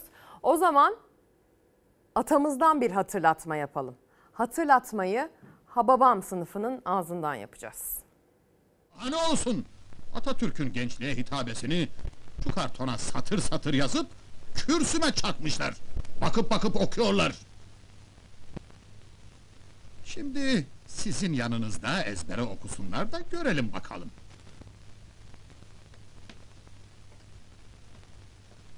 Evet. Ey Türk gençliği! Birinci vazifen Türk istiklalini, Türk Cumhuriyeti'ni ilelebet muhafaza ve müdafaa etmektir. Mevcudiyetinin ve istikbalinin yegane temeli budur. Bu temel senin en kıymetli hazinendir. İstikbalde dahi seni bu hazineden mahrum etmek isteyecek dahili ve harici düşmanların olacaktır. Bir gün İstiklal ve Cumhuriyetinin müdafaa mecburiyetine düşer vazifeye atılmak için içinde bulunduğun vaziyeti Nasıl olur? Biraz evvel buna bakıp okuyorlardı. Bu imkan ve şerait çok namüsait. Bakın kartonda ne yazıyor Rüştü Bey. Hocam, ha babam sınıfı da olsak Atatürk'ün gençliğe hitabesi ezbere biliriz. Ya ha babam sınıfı da olsak, haylazlığımızla da meşhur olsak atamızın gençliğe hitabesini biliriz, anlarız. Onun baktığı yöne bakıp gördüğünü görmeye gayret ederiz. Şimdi reklam, sonra son bir sözümüz olacak.